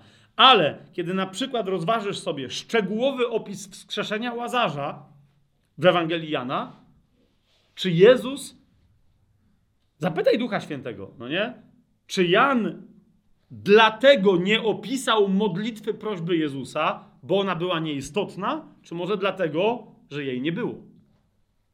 Pamiętacie? Jezus mówi do ojca: Ojcze, dziękuję ci, że mnie wysłuchałeś. I niektórzy mówią, czyli musiał poprosić. Jeszcze raz, zastanów się, co tam Jezus mówi. Może poprosił, ale teraz jak on wobec tego poprosił? Dlaczego Jan, który słyszy w duchu dziękczynienie Jezusa, dlaczego nie, Duch Święty mu nie powiedział, jak wyglądała prośba Jezusa? Nie? Może dlatego, że zwróć uwagę, Jezus mówi do taty, mówi, tato, ja wiem, że ty mnie zawsze wysłuchujesz. Dziękuję ci, że mnie wysłuchałeś, ja wiem, że ty mnie, tato, nie? To jest klucz. Jeżeli Jezus go poprosił, to jeżeli, e, e, chciałem powiedzieć, jeżeli ty masz ojca, jeżeli masz dobrego tatę, no nie? Albo nie masz, to tym lepiej, bo sobie możesz wyobrazić perfekcyjnego. Nawet najlepszy tata jest bez porównania z tatą niebieskim. Jasne? Więc wyobraź sobie najlepszego na świecie tatę, no nie? I przychodzi do niego synek, który go szanuje, a tata tego małego synka kocha, nie? Jak ten synek prosi ojca? Czy tak, jak wygląda twoja modlitwa, czy wyglądałaby twoja modlitwa o wskrzeszenie? Rozumiesz, o co mi idzie? A w tej scenie Jan mówi, Jezus jest ukochanym synem swojego ukochanego tatusia i oni mieli taki deal, nawet wyprowadzenie kogoś, kto już się zaśmierdział w grobie, świeżutkiego, żyjącego, wyprowadzenie go z tego, wywołanie go z tego grobu jest takim samym dealem, jak przejście po cukierka do taty. Czy to jest dobry tata, więc raczej po plasterek kiełbasy, no nie? Bo przecież wiadomo, że chłop chłopu nie będzie dawać w, w ramach przekąski cukierka. Daj spokój. Nie? Tata tacie powiedział prosto. Oczywiście, że tak. Następny tata potwierdził. Oczywiście, że tak. Ale jeszcze raz, więc, więc popatrz, no nie? Zaraz, tu masz konkretną scenę. Wpatrujesz się w Chrystusa. Zaraz, jak to zrobić, żeby praktycznie się wpatrzeć w Niego w tej scenie, to będzie za chwilę o tym będziemy mówić, ale patrz, poznajesz Go i nagle to jest takie, zauważ, Jezus taką samą modlitwą, jaką wyprowadził Łazarza z grobu, taką samą modlitwą prosił o cokolwiek innego. Więc pytanie, więc jak wyglądała Jego modlitwa prośby? Jeżeli znacznie istotniejsza jest u niego zawsze, zwróć uwagę, modlitwa dziękczynienia. Znajdź mi modlitwę prośby Jezusa w ogóle w Biblii, no nie? Że on stoi, prosi Ojca i tak dalej, i tak dalej. Znajdziesz, i oczywiście zawsze, to Getsemani. No, Ojcze, jeśli to możliwe, weź ode mnie ten kielich, ale nie moja. Zauważ, co się dzieje. Ojcze, jeżeli, jeżeli, ja wiem, jaka jest Twoja wola, jeżeli jest jakaś szansa, ale jeżeli to nie jest Twoja wola, nie było w ogóle temat, zwróćcie uwagę, no nie? Jak w tak ekstremalnej sytuacji, kiedy Jezus się poci krwią i naprawdę by mu się przydało, żeby może ten kielich go ominął. Zauważ nadal, jak wygląda jego relacja z ojcem. On wie, że ojciec i tak ma dla niego najlepszą możliwą rzecz i że przez niego dla nas ma najlepszą możliwą rzecz. O co mi idzie? Co to znaczy? Zmienić swoje myślenie, spojrzeć na Jezusa i powiedzieć: To ja jestem. To oznacza, rozumiesz, że poznałeś Jezusa, doświadczyłeś miłości, bo zawsze to poznanie przyniesie do ciebie, yy, doświadczyłaś miłości, przyniesie do ciebie po, do, konkretne doznanie, rozleje w tobie miłość. I teraz uważaj, na czym polega zmiana myślenia? Na decyzji.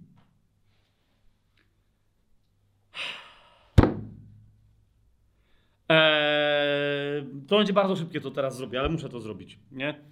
1 stycznia ludzie mają e, postanowienia noworoczne, no nie? E, czasem niektórzy wiedzą, że postanowienia to jest przerąbane, czyli naj, najwcześniej, najpóźniej niektórzy na Matkę Boską Gromniczną, czyli na początku lutego już jest po postanowieniach, więc niektórzy mówią, bo źle to nazywasz, musisz to nazwać decyzjami noworocznymi. Sęk w tym, że nieważne jak se to nazwiesz, postanowienie, decyzja, nie, tu widzę, że, że dziewczyny się śmieją, czyli już wiemy o co zawsze chodziło w tych postanowieniach, ale wy jesteście chude, nie, nieważne, nieważne. Otóż kochani, z, y, decyzja z języka łacińskiego decidere znaczy dosłownie odcinać coś, od, na przykład odpiłować gałąź od drzewa.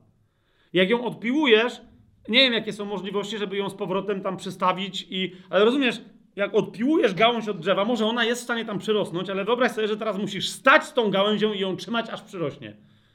Rozumiesz? To jest, to jest najlepszy obraz decyzji, która została podjęta. Może to nie będzie teraz najlepszy przykład, ale mnie on kiedyś przekonał, co to jest decidere, to znaczy decydować. E, jeden z konkwistadorów niesławnych, e, żeby nam teraz, a niech nam zamkną kanał YouTube, nieważne, Cortez bodaj, e, jak namówił bandę jak, jakichś bandytów e, hiszpańsko tam jakichś, że przypłyniemy do Nowego Świata, zrabujemy tam złota i tak dalej, i tak dalej. Cała ich podróż okrętami przez Atlantyk była tak ciężka, że jak oni dopłynęli, stwierdzili tylko uzupełnijmy wodę pitną i wracajmy, że daj spokój. To jak, jak morze było takie, to co dopiero ta ziemia. On miał plan, miał decyzję, że nie ma. Albo tutaj się nachapiemy, zdobędziemy złoto, nieważne, wrócimy bogaci, albo tu zginiemy. Nie ma żadnego powrotu jak kretyni. Więc wieczorem, kiedy wszyscy go miał bunt na pokładzie jednego, drugiego, trzeciego, czwartego, czy ile on tam tych okrętów e, miał, e, powiedział: Dobra, wszystko gra, elegancko, panowie, rozumiem, co zrobić, takie życie. E, potrzebujemy beczek na wodę, to uzupełnimy. To, to opróżnijmy te beczki. Nasze beczki były z malagą i z innymi trunkami dobrymi, to trzeba je wypić. Wszyscy się schlali, a jak się rano obudzili, okazało się, że paru trzeźwych ludzi Corteza, w tym on, wszystkie okręty spalili. Nie?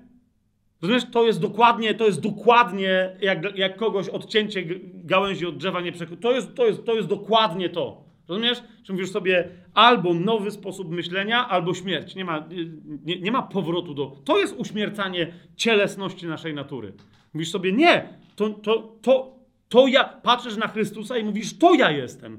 Co to oznacza? Jeżeli odkryłeś w nim coś, postanawiasz sobie, to jest Twoja decyzja, że od tej pory nie robisz inaczej, tylko tak.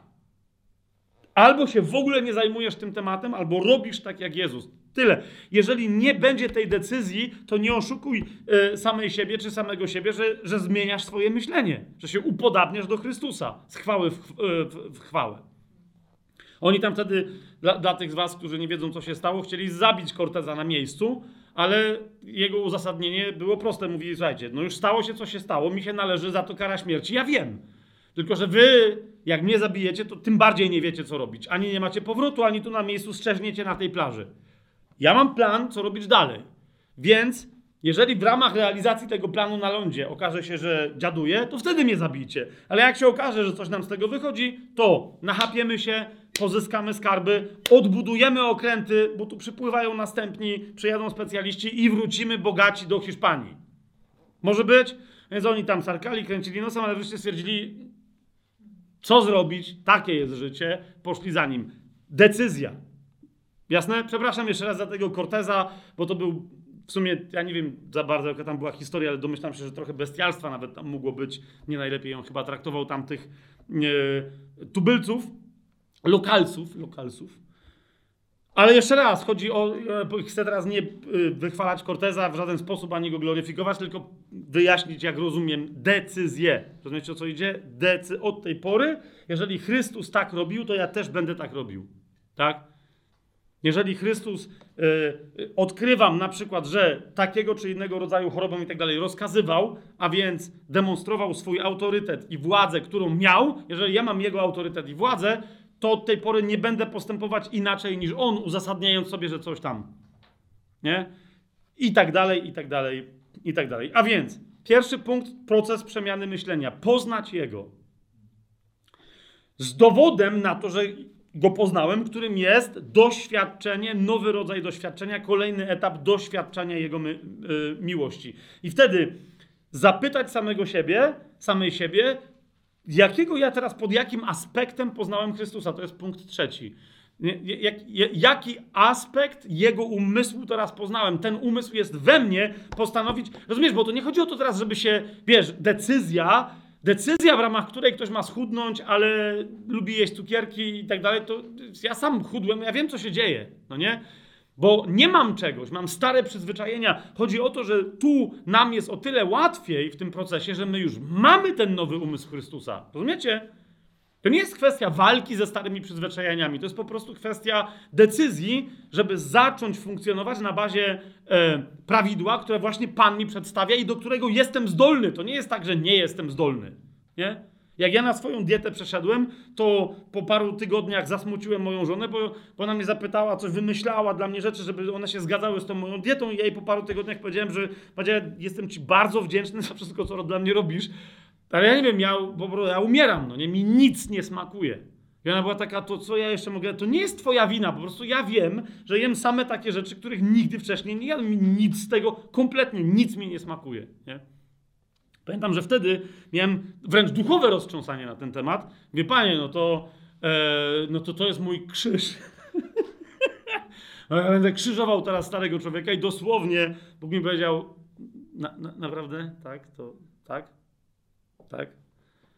Nic ci nie smakuje i tak dalej. Dlaczego? Bo, bo, bo, bo mój duch nie jest w stanie cię przestawić na coś, co jest, co jest dla ciebie zdrowsze, czy, czy dlatego, że, że nie chcesz niczego zmienić? Chcesz dalej kultywować tam ten stary sposób. Znaczy, dla mnie to było.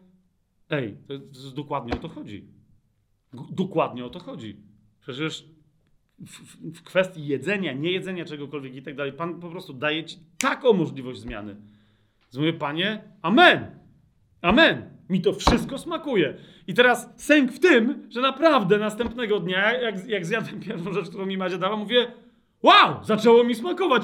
I znowu mówię, a przecież od wczoraj mi już wszystko smakuje. O, zawsze mi smakowało. To tylko mojemu staremu cielsku nie smakowało, ale mi wszystko smakuje. Jeszcze raz, widzicie o co mi chodzi? Jeszcze raz, jak masz ten moment przełomu, mówisz sobie, nie, yy, zaraz, jaka jest prawda? Jaka jest moja możliwość? I, i z, z, jeżeli trzeba, tej, je, tej jednej kwestii poświęć tydzień, miesiąc, ale nau, rozumiesz, naucz się funkcjonować według tego nowego, yy, według tego nowego, yy, yy, nowo odkrytego aspektu w sobie, który masz. Czy to jest jasne? Tak? Czy to jest jasne? Nie, nie do końca to będzie adekwatne, co teraz powiem, ale jeszcze tak to może przedstawię. Czasem bywa, że ludzie są zdziwieni, e, że po uzdrowieniu e, potrzebują niektórzy przejść rehabilitację. Czyli wiecie, ja widziałem kiedyś na własne oczy e, uzdrowienie, pełne, kompletne uzdrowienie dziewczynki, która się urodziła z paraliz- ze sparaliżowanymi nogami i nigdy w życiu nie chodziła. Nie? I teraz stałem dosłownie no, dwa metry od, od, od tej całej sytuacji. E, tysiące ludzi to widziały, zresztą to jest uwiecznione, sfilmowane, jest w internetach. Mniejsza o to teraz, co to była za historia, ale e, przez słowo poznania, że taka dziewczynka jest uzdrowiona, mama ją przywiozła, mówi, to wszystko na to wskazuje, że to jest moja córka, ale ona dalej siedzi na wózku. Przez, przez, e, przez dar wiary została podnieść, po prostu ten, ten ktoś, kto miał to słowo poznania, podniósł tę dziewczynę. Nie, że podniósł, że ją postawił na siłę, ale podał jej ręce i mówi, możesz wstać. I ona wstała. Nie? Jak wstała, powiedział, teraz możesz pójść. I zaczęła iść. Nie wiem, czy rozumiecie, jak kiedykolwiek mieliście z tym do czynienia, ona nigdy w życiu nie zrobiła samodzielnie ani jednego kroku. Tak? I zaczęła chodzić. I potem odwracam, mówię, odwracam się do jednego tam człowieka, który obok mnie stał, mówię, widziałeś to, halleluja, a on mówi, no co to za uzdrowie? Bo zwłaszcza, że on zaraz powiedział do mikrofonu, ten mówi, że ale teraz ona musi ćwiczyć. Bo jest uzdrowiona, no ale potrzebuje teraz zbudować mięśnie, nauczyć się chodzić. Rozumiecie? A ten gość mówi, co to za uzdrowienie?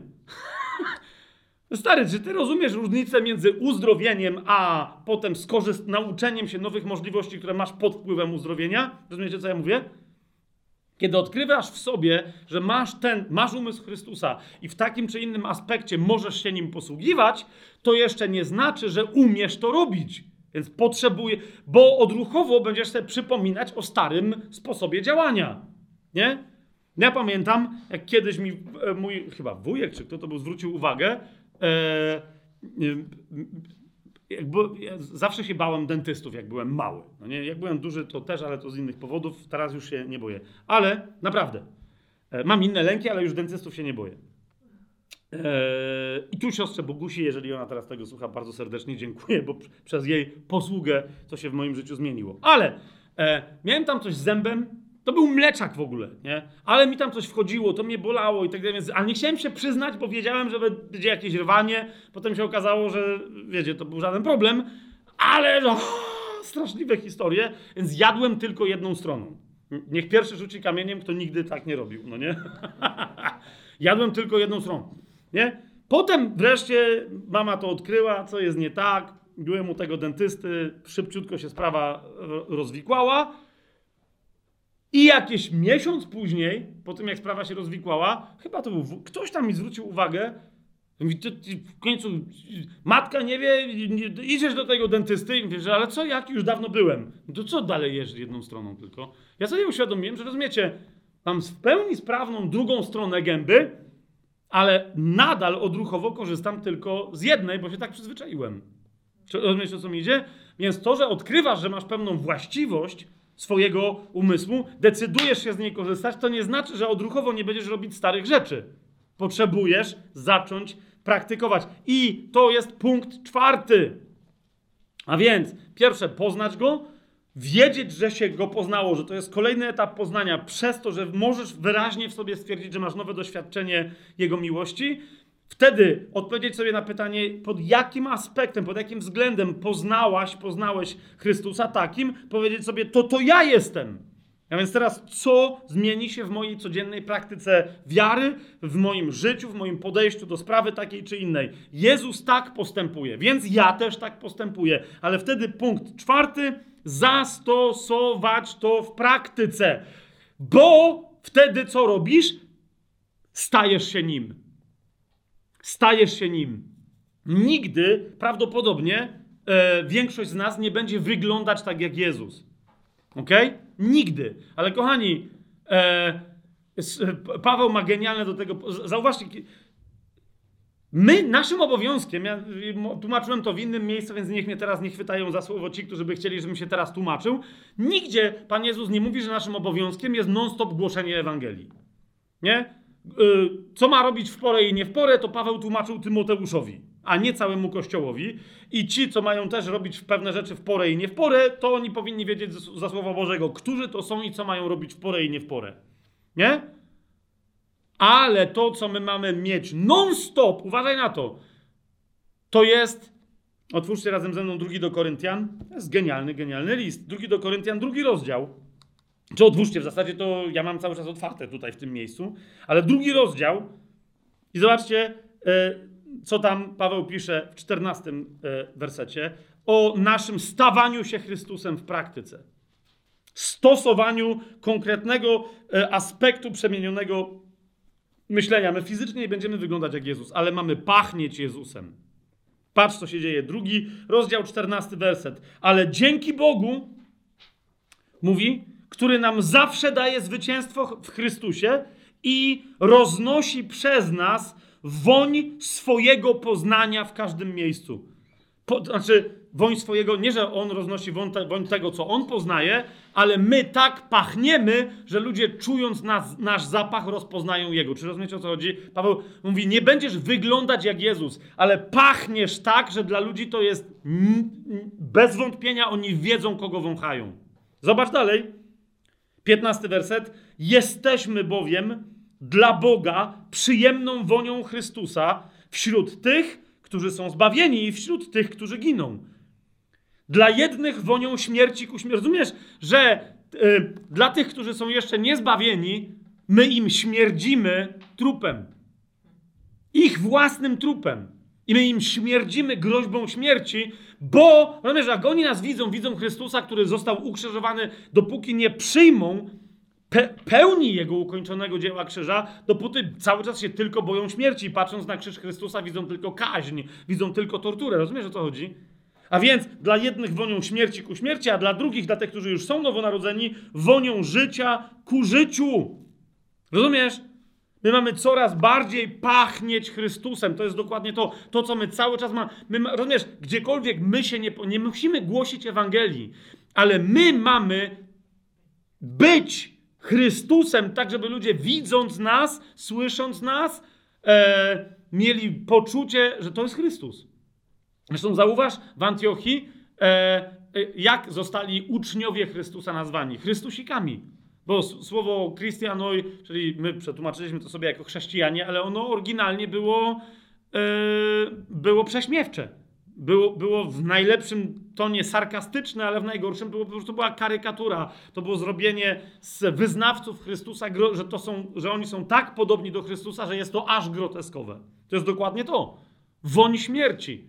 Aż dopóki ktoś nie stwierdził zaraz, ale może to jest woń życia nie? nie musimy ani półsłowem mówić o Chrystusie, ale my mamy być Chrystusem dla tego świata. Mamy nim kompletnie, mamy być, nie tylko nim pachnieć, my mamy być tym e, e, zapachem.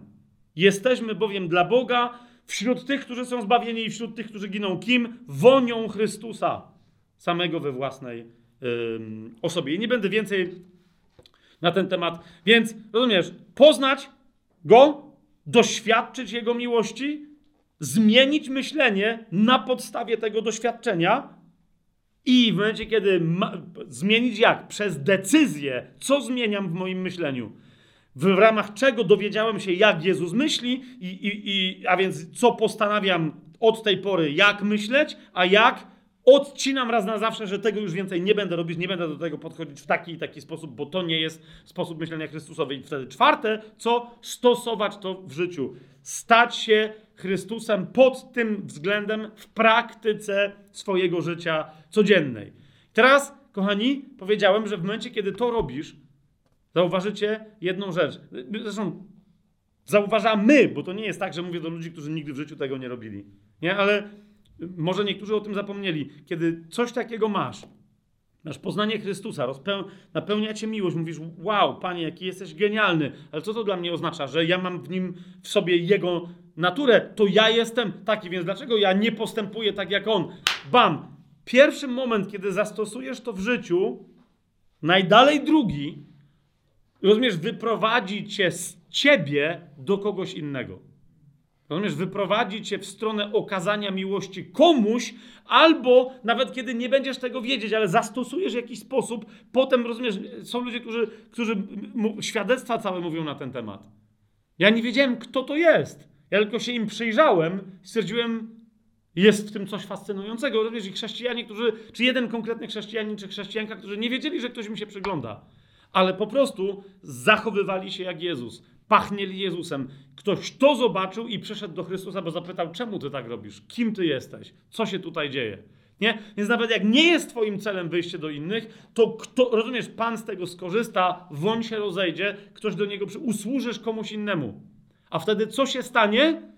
To będzie dla ciebie punktem wyjścia do poznania Pana jeszcze raz, na, rozumiesz, e, odkrycia Jego osoby kolejny raz i doświadczenia znowu Jego miłości i tak dalej, i tak dalej. To jest przechodzenie z, z chwały w chwałę. Nas zastosowanie tej chwały, którą otrzymujemy skutecznie na danym etapie naszego życia duchowego, jeżeli zastosujemy to skutecznie, to nas automatycznie Pan sam nas, Duch nas przeprowadza do następnego poznania Pana. Ale jeżeli nie dokończysz tego procesu, to Pan cię dalej nigdzie nie zaprowadzi. Skończysz na intelektualnym poznaniu, ale nic się nie stanie. Po prostu. Jeżeli masz poznanie Pana, pamiętaj, doprowadź w ramach poznania Pana.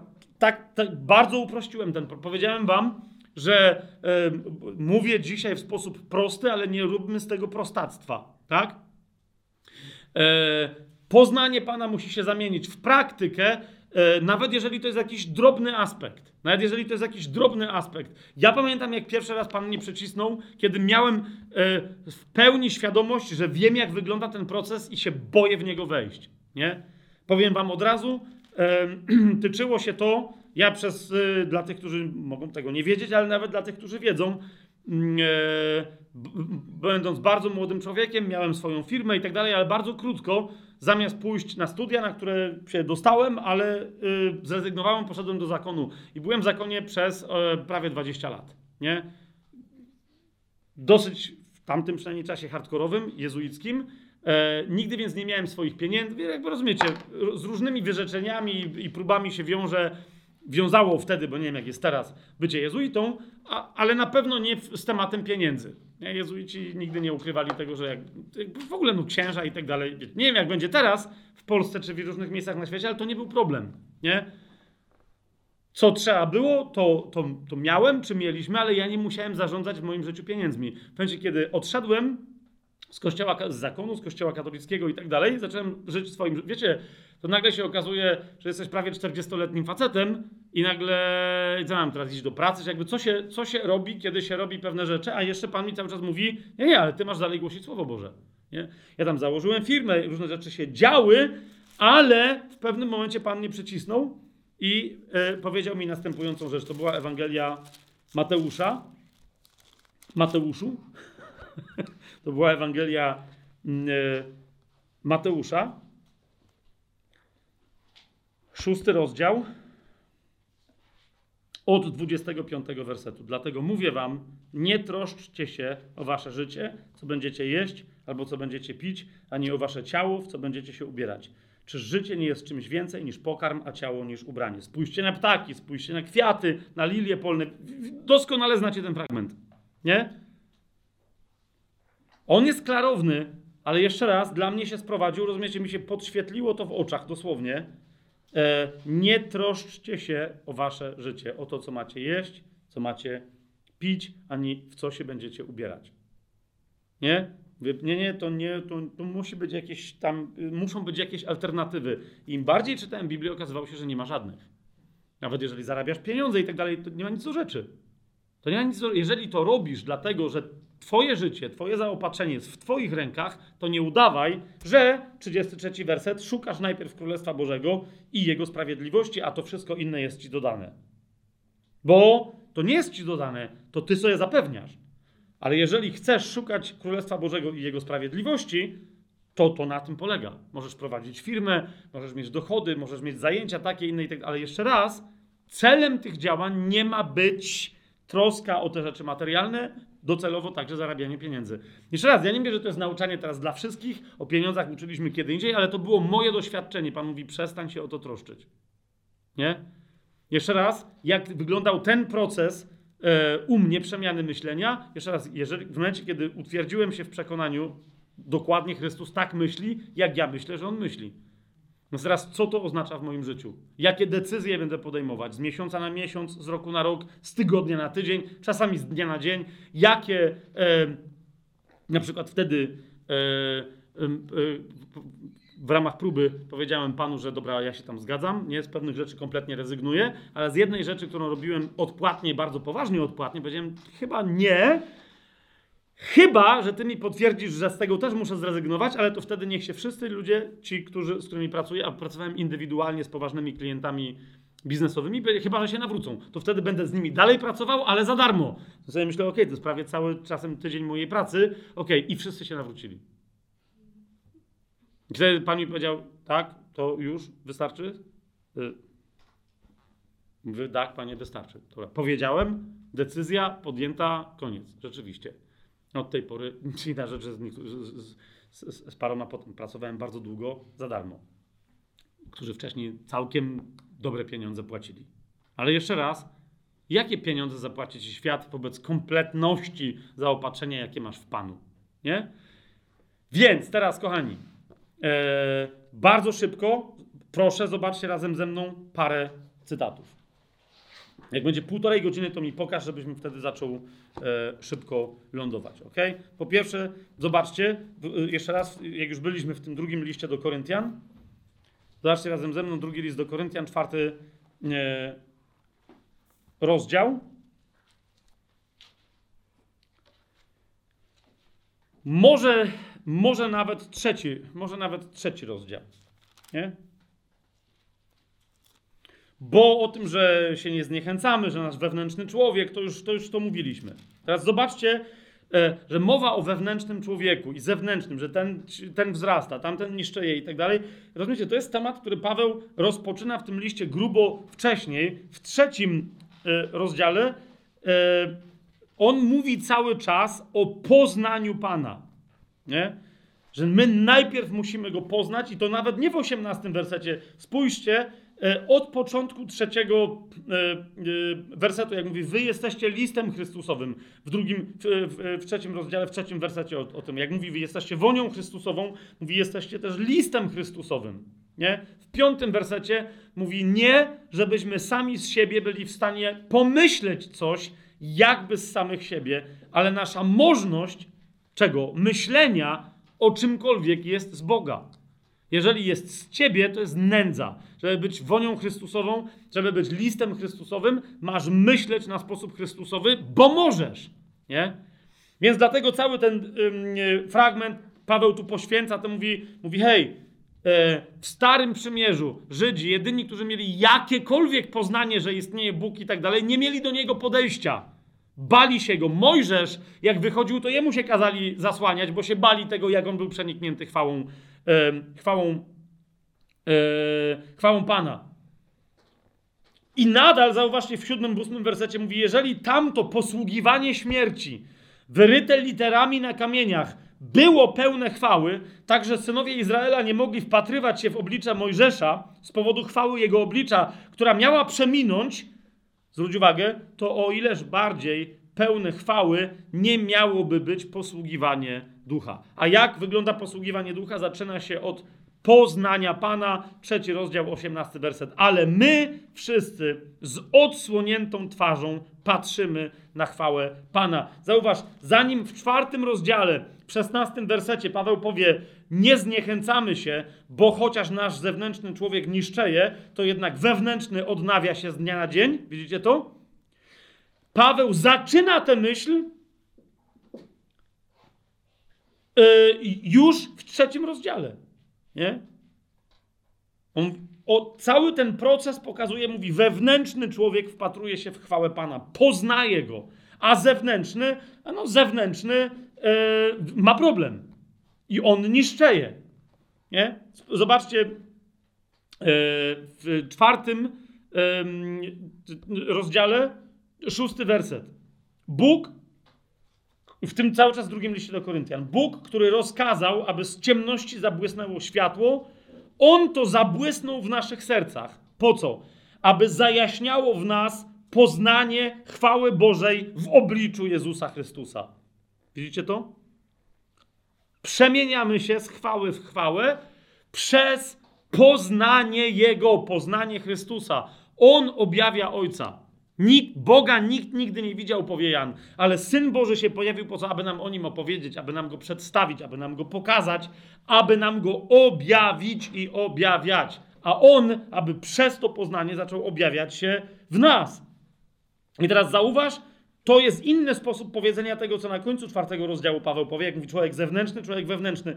On tu mówi, wewnętrzny człowiek poznaje chwałę Bożą w obliczu Jezusa Chrystusa, a zewnętrzny stanowi co? Siódmy werset. Mamy ten skarb tego poznania wewnętrznego człowieka w naczyniach glinianych, aby wspaniałość tej mocy była z Boga, a nie z nas. Tymi naczyniami glinianymi jesteśmy my fizycznie, krusi do zabicia, wiecie, do dotknięcia, do zranienia i tak dalej, i tak dalej, i tak dalej. Inna rzecz, że on, e, Paweł, e, dalej dokładnie ten paradoks tego, jak dla świata wyglądamy na słabych i ludzie dlatego myślą, że my niszczejemy, że chrześcijaństwo jest, jest, jest, jest porażka jedna wielka, jednocześnie pokazuje, jak my non-stop odnosimy pełne zwycięstwo w Chrystusie. Zobaczcie chociażby e, szósty rozdział. Jeszcze raz, nie będziemy teraz go czytać, ale tam cała ta jego litania, że tak powiem, e, w cudzysłowie długa, tak? We, e, szósty rozdział od czwartego wersetu. We wszystkim okazujemy się sługami Boga. W wielkiej cierpliwości, w uciskach, w niedostatkach, w utrapieniach, w chło i tak dalej, i tak dalej. Zobaczcie, ile on tu e, opowiada, wymienia rzeczy, które są straszne. Nawet kiedy tylko o nich myślisz. W chłostach, w więzieniach, podczas rozruchów, w, trug, w trudach, w nocnych czuwaniach, w postach. Nie? Ale za chwilę mówi, ale my w tym wszystkim jesteśmy sługami odnoszącymi zwycięstwo. Tymi, którzy, zauważcie, drugi do Koryntian, drugi rozdział, czternasty werset, ale dzięki Bogu, który nam zawsze daje zwycięstwo. Jakie? W chłostach, w rozruchach, w torturach, w więzieniach? On mówi tak. Szósty werset. Przez czystość i przez poznanie przez wytrwałość i życzliwość, przez Ducha Świętego, nieobłudną miłość i tak dalej, i tak dalej. Mówi, tu, w tym się objawia nasze zwycięstwo. W tym, co my wydajemy z siebie ze swojego ducha, a nie w tym, czego doświadczają nasze ciała. Zwłaszcza, że, zauważ, doświadczają tego ciała, ale my przez te ciała tego nie doświadczamy. Człowiek, który by przez torturę, e, biczowanie i tak dalej doświadczał tylko bólu, nie byłby w stanie okazywać życzliwości tym, którzy go biją. A on mówi, zauważ, a my odnosimy w tym zwycięstwo. Tak zwycięża w tym świecie, w tym porządku tego świata jeszcze człowiek duchowy. Mamy to? Spójrzcie dalej, w tym drugim, do, i, i Paweł to rozwija, tam jeszcze, jeszcze raz wraca do tego, jak ma wyglądać życie chrześcijańskie, ale mówi, cała ta nasza walka, całe nasze staranie, jeszcze raz, wychodzi od poznania Chrystusa i zmierza do tego, abyśmy my w praktyce stawali się coraz bardziej nim. Popatrzcie, dziesiąty rozdział drugiego listu do Koryntian od czwartego wersetu. Gdyż oręż naszej walki nie jest cielesny, ale jest z Boga i ma, moc, i ma moc burzenia twierdz warownych. Otóż Paweł mówi, co to są te twierdze warowne? Obalamy rozumowania, to są wszelkie sposoby myślenia, i wszelką wyniosłość, która powstaje przeciwko czemu? Przeciwko poznaniu Boga. I co robimy? Zniewalamy wszelką myśl, cały nasz sposób myślenia do posłuszeństwa Chrystusowi. Jasne? Zobaczcie, ten proces, o którym mówiłem, on tu jest rozwinięty na przestrzeni, e, w zależności jak ktoś czyta, to nawet dziesięciu rozdziałów, albo siedmiu, ale jeszcze raz ja tylko skróciłem te pewne myśli, możecie go tu zaobserwować. Poznać go, doświadczyć jego miłości, co jest dowodem, żeśmy go poznali w kolejny nowy sposób, przemienić swoje myślenie, swoją chwałę na wzór jego chwały i zacząć ją stosować w praktyce, tak aby świat mógł doświadczyć tej naszej przemiany. Amen? Mamy to? Dalej. E, list do Kolosan. Zobaczcie, list do Kolosan e, w, ja czasem się nagadam nie wiadomo ile, a czasem powiem coś krótko i nagrywamy shorta 60-sekundowego. Paweł do Koryntian napisał cały drugi list dokładnie o tym procesie, a do Kolosan, otwórzcie sobie, napisał jedno zdanie dokładnie mówiące o tym samym. Że cała przemiana myślenia wychodzi i zmierza do czego? Do poznania. Zobaczcie, trzeci rozdział, yy, dziewiąty i dziesiąty werset. Nie okłamujcie się wzajemnie, skoro zrzuciliście z siebie starego człowieka z jego uczynkami, uważajcie, a przyodzialiście się w nowego, który się odnawia. Pamiętacie? Nasz wewnętrzny człowiek się odnawia. A on tu mówi wprost, który się odnawia w poznaniu na obraz tego, który go stworzył. To jest cały ten proces opisany na przestrzeni wielu rozdziałów w drugim do Koryntian. Tu jest wyrażony w jednym zdaniu, bo do Kolosan ma inne tematy. Najwyraźniej w odróżnieniu od, od Koryntian, Paweł uważa, że Kolosanie rozumieją, co się dzieje. Otwórzmy sobie list do Efezjan. Ci rozumieją, co się dzieje, ale są też gotowi na teologiczną poezję. Więc z tymi, z Efezjanami, Paweł wchodzi na głębie, ale zauważ, czy nie mówi dokładnie tego samego. Mówi: Wszystko macie, wszystko rozumiecie, wszystko wiecie. Czego jeszcze nam miałoby brakować jako chrześcijanom? A zwłaszcza Wam, Efezjanom, jako wtedy dobrym chrześcijanom. Czego? Jest jedna rzecz, w której nigdy nie możemy ustać. Której nigdy nie możemy e, zakończyć, dopóki nie, nie wypełnimy się w tej przemianie i nie umrzemy syci owoców. Co to jest? Trzeci rozdział listu do Efezjan od 14 wersetu. Dlatego zginam swoje kolana przed Ojcem naszego Pana Jezusa Chrystusa, od którego cała rodzina na niebie i na ziemi bierze swoją nazwę, aby według bogactwa swojej chwały, kto, Ojciec, sprawił, uważajcie, żeby wasz wewnętrzny człowiek był utwierdzony mocą przez Jego Ducha. Rozumiecie, aby się napeł- żeby się stał niezmienny, stały, niepodlegający jakimkolwiek zewnętrznym wpływom. Ok? Jak to się dokonuje? 17 werset. Aby Chrystus przez wiarę mieszkał w waszych sercach. Abyście zakorzenieni i ugruntowani w miłości, 18 werset, uważajcie, mogli pojąć wraz ze wszystkimi świętymi. Co? Na czym polega ukończone dzieło krzyża? Jaka jest szerokość, długość, głębokość i wysokość? 19 werset i zobaczcie, przez to poznanie, abyście mogli poznać miłość Chrystusa, która przewyższa wszelkie poznanie abyście zostali napełnieni całą pełnią Boga. To jest, Paweł mówi, o to się cały czas ja za was modlę, ja to robię, wszyscy wpatrujemy się w chwałę Pana i przemieniamy się z chwały w chwałę. Jan powie łaska za łaskę. Z chwały w chwałę. Ok? Teraz popatrzcie, bo, bo niektórzy mówią, to jest indywidualne zadanie. Nie, nie, nie. Paweł się modli dla Efezjan. On jest dalej niż oni w tym procesie, ale zwróćcie uwagę, co jest celem tej przemiany. Co powiedziałem na początku dzisiaj? My mamy w sobie umysł Chrystusa, ale nie wolno nam spocząć, dopóki kiedyś, któregoś dnia nie powiemy, teraz już myślimy w pełni, tylko i wyłącznie umysłem Chrystusa. Reprezentujemy go kompletnie. Jeżeli by ktoś miał wątpliwość, zobaczcie, ta modlitwa e, zamienia się potem w czwartym rozdziale w prośbę Pawła, ale to się kontynuuje. I teraz on mówi, że ta, to umacnianie wewnętrznego człowieka, utwierdzanie go przez Ducha Świętego, doświadczanie miłości Chrystusa, która przewyższa wszelkie poznanie, do czego zmierza? Czwarty rozdział, trzynasty werset i dalej, zobaczcie razem ze mną.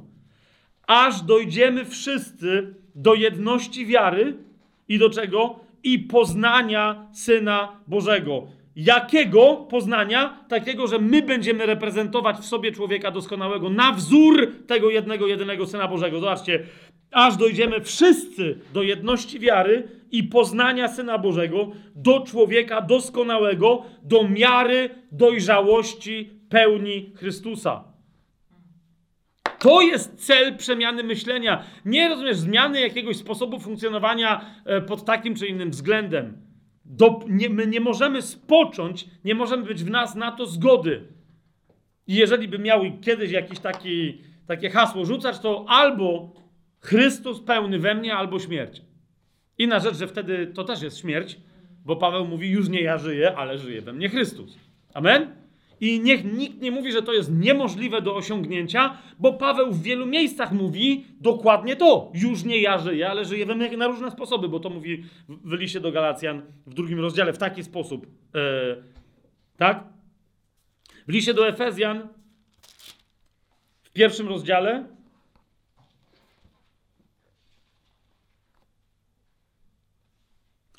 e, Dobrze, e, inaczej. Bo, bo jasne, że tutaj Paweł się modli yy, o to, żeby, zauważcie, modli się o poznanie. Nie ma przemiany myślenia i nie będzie w naszym życiu owoców e, tego, że my jesteśmy nowym stworzeniem, dopóki my nie zaczniemy poznawać, kim my jesteśmy. Rozumiesz? Ja się nie mogę dowiedzieć od ciebie, e, Mateusz, czy od ciebie, Janusz, czy od ciebie, Ania, kim jest Chrystus. Mogę o tyle, o ile ty wiesz lepiej, kim jest Chrystus, niż ja. Ale rozumiesz, my się mamy uczyć i możemy tylko i wyłącznie od Niego. Nie? Teraz ktoś mówi, ktoś mi tam powiedział, to nawet nie po ostatnim spotkaniu, tylko już parę tygodni temu, że ale to, to Paweł, to trzeba być tak rozwiniętym jak Efezjanie. To nie ma, nie ma, e, nie ma tak, żeby to poznanie było takim kluczem, jak ja już kiedyś tam powiedziałem, że jest. To tylko do, o, o, o Efezjan się Paweł tak modli. Okej, okay, tu już widzieliśmy, w pierwszym rozdziale się modli już za chwilę do tego wrócimy, więc nawet nie będę mówił. W trzecim rozdziale listu do Efezjan, tak? No ale weźmy sobie otworzymy na przykład list do Filipian, skoro jesteśmy przy Efezjanach. Nie? Zobacz, Paweł cały czas mówi, to jest najważniejsze, bez tego nie, to nie ma, nie, ty się nie zepniesz, nie jak żaba Foucault, że się napniesz, mm, nadymasz się i coś ci z tego wyjdzie. Po prostu potrzebujesz tego procesu przemiany myślenia. List do Filipian, popatrz, yy, pierwszy rozdział, dziewiąty i dziesiąty werset. I o to się modlę, pisze do Filipian Paweł, tych, którym do tych smutasów, co pamiętacie, cały czas radujcie się, raduj naprawdę, już przestańcie, radujcie się, proszę, w kółko, radujcie się, radujcie się. I na, od czego zaczyna cały ten list, gdzie mówi, no trochę smutni jesteście, mówi, o to się modlę, aby wasza miłość coraz bardziej obfitowała, uważajcie na to, w poznanie i we wszelkie rozumienie, abyście mogli rozpoznać to, co lepsze, żebyście byli szczerzy i bez zarzutu na dzień Chrystusa. Zobaczcie, e, następny list, list do Kolosan. Żeby tylko tak, jeżeli na dwóch albo trzech słowach, w Efezjanach są dwa, Filipianie, patrz do Kolosan. To samo, pierwszy rozdział, e, dziewiąty werset. Dlatego i my od tego dnia, w którym to usłyszeliśmy, no o tym, że tam u was się tam dobrze wydarzyło, się nawróciliście, dobra, nie przestajemy się za was modlić i prosić, abyście byli napełnieni czym? Poznaniem Jego woli we wszelkiej mądrości i duchowym zrozumieniu, abyście postępowali w sposób godny Pana, aby podobać Mu się we wszystkim. Wiecie to? Teraz yy, jeszcze jedną rzecz, zanim zrobimy krok dalej, szybciutki. Jeszcze jedna rzecz, bo niektórzy mówią, dobrze, to się wszystko zgadza, Fabian, ale to poznanie w nas ma, uwi ma uwidocznić tylko duchowe aspekty. A ty cały czas mieszasz i ci wszyscy od ukończonego dzieła krzyża mieszają, że, że się we wszystkich przestrzeniach, płaszczyznach, wymiarach naszego życia ma ukończone dzieła krzyża, krzyża objawić. Powołujesz się, powiedział mi jeden brat, na e, list do Efezjan, pierwszy rozdział, trzeci werset. Błogosławiony niech będzie Bóg i Ojciec naszego Pana Jezusa Chrystusa, który pobłogosławił nas wszelkim duchowym błogosławieństwem w miejscach niebiańskich w Chrystusie. Tu dokładnie po, po, po grecku jest napisane, że nas pobłogosławił wszystkimi możliwymi błogosławieństwami. Wszystkimi duchowymi, ale właśnie klucz jest, ale to są duchowe błogosławieństwa. Bóg, który jest duchem, jakby jak się ma błogosławić? Ma se upleść e, kropidło z gałązek i zamoczyć w wodzie święconej i cię krop, jakby rozumiecie, ale nie chodzi mi o ten proces. Okej, okay, ale Słowo Boże. Dawaj Słowo Boże. Bo jak nie dasz Słowa Bożego, to nie będzie okej. Okay. Jedno tylko słowo sobie otworzymy, bo mi tu już Piotr pokazał, że już półtorej godziny minęło, to jeszcze mógł do, dokończyć dzisiejszy temat, mianowicie drugi list Piotra. I teraz popatrzcie razem ze mną e, na fragment który ode mnie słyszeliście, sami zgłębiacie, wiem na różne sposoby. Jeszcze raz spójrzmy razem na ten fragment. Ok? Czy my przez ukończone dzieła, dzieło krzyża możemy spodziewać się tylko i wyłącznie dóbr w swoim życiu duchowych i przemiany duchowej? I aspektów mentalnych, które mają tylko i wyłącznie owocowanie i skutki w przestrzeniach niematerialnych. Ok? Drugi list Piotra, pierwszy rozdział razem ze mną. E, przeczytajcie od drugiego do ósmego wersetu. Ale po kolei będziemy czytać. Patrzcie. Najpierw jest drugi werset. Łaska i drugi list Piotra, pierwszy rozdział, drugi werset. Łaska i pokój niech się wam pomnożą. Przez co? Przez poznanie Boga i Jezusa naszego Pana. Ok? Jest? Różne sposoby łaski, na różne, różne sposoby doświadczania pokoju. Czy jest, czy mamy pełny, cokolwiek dostajemy duchowo, jest nazwane w Biblii nie tylko ogólnie słowem łaska, ale jest nazwane łaskami konkretnymi. Amen? Jest, mamy to. Łaska i pokój niech się wam pomnożą przez poznanie Boga i Jezusa, naszego Pana. Bo zauważ, pozna, poznać Jego, doświadczasz Jego miłości, ale też widzisz swoją naturę, zamieniasz to w konkretną postawę w swoim życiu i wtedy zaczynasz doświadczać, tak? Ale wszyscy ci, którzy mieli, oponowali przed tym, co mówię, mówią, ale w sobie doświadczasz. W tobie się rozwija łaska, w tobie się rozwija pokój, w tobie się rozwija, ponieważ, trzeci werset, Piotr mówi, jego boska moc obdarzyła nas już wszystkim, bo tu jest dokładnie dokonany tryb. Wszystkim, co potrzebne do życia i pobożności, przez co? Przez poznanie tego, który nas powołał do chwały i cnoty. Rozumiesz? A więc jak się przyjrzysz i rozłożysz sobie to zdanie na części pierwsze, on mówi tak. Przez poznanie tego, który nas powołał, Co się najpierw dzieje? Doświadczysz przemiany aspektów materialnych, biologicznych, fizycznych i cielesnych w swoim życiu. Patrz, dostaniesz zaopatrzenie we wszystko, co jest potrzebne do życia biologicznego i do pobożności, która zasadniczo, w której zasadniczo chodzi o wspieranie innych, nie tylko zapewnianie, zaspokajanie swoich potrzeb, ale też potrzeb tych, którzy jakoś z jakiegoś powodu tego nie potrafią zrobić. Sieroty, wdowy itd., tak itd. Tak, tak? Zauważ, to jest pierwsze. A ponieważ to już mamy zapewnione, zauważ, koniec, deal done, jest tyle. Tu zauważ, że, że Piotr nie mówi, niech wam się mnoży powodzenie, niech wam się mnoży zdrowie, niech wam się mnoży zasob. Nie, mówi, to już jest dane przez poznanie. To mówi, teraz przez to poznanie niech wam się, niech wam się mnoży to, co się nigdy, nie, nie, co nie ma granicy, a mianowicie łaska i pokój. Widzicie to? Oczywiście język grecki ma swoje zasady, więc on mówi: łaska i pokój niech się wam pomnoży przez poznanie Boga i Jezusa, ponieważ jako że Jego boska moc już nas obdarzyła, tak samo przez to samo poznanie dokładnie tej samej osoby. Widzicie to? Ale teraz najlepsze, czwarty werset. Przez to, przez to, to, że mamy dostęp do tej osoby, do tego bezpośredniego poznania. Zauważcie, to nie jest Paweł, to jest Piotr, ale który dokładnie w tym liście dalej chwali Pawła. Mówi, niektórzy nie rozumieją, o czym go pisze. On najwyraźniej rozumie. Mówi, przez to zostały nam dane bardzo wielkie i cenne obietnice, abyście przez nie stali się, ej, zwróćcie uwagę na to, bo ja ostatnio się rozgadywałem na temat jednej natury, że jesteśmy z ducha i tak dalej, i tak dalej. Ktoś mówi, gdzie to jest w Biblii napisane? W wielu miejscach, ale najgenialniej tutaj. My już jesteśmy uczestnikami tej natury, ale przez poznawanie tej natury stajemy się praktykami tej natury, którą już mamy. Przez to zostały nam dane bardzo wielkie i cenne obietnice, abyście przez nie stali się uczestnikami boskiej natury. Tu chodzi o naturę Boga, tak jest po grecku napisane. Uniknąwszy zepsucia, które wskutek porządliwości jest na świecie. Po, i, I potem Paweł Piotr tu rozwija swój proces. Co się dzieje? Bardzo ważnym elementem tego procesu, zaraz na wstępie, yy, po wierze, piąty werset zauważy, z wiara, cnota, po cnocie jest właśnie co poznanie. Bez niego nie ma następnych części przemiany. Ale wreszcie w ósmym wersecie kończę całą tą myśl, bo to nie jest teraz czas, żeby to rozważać.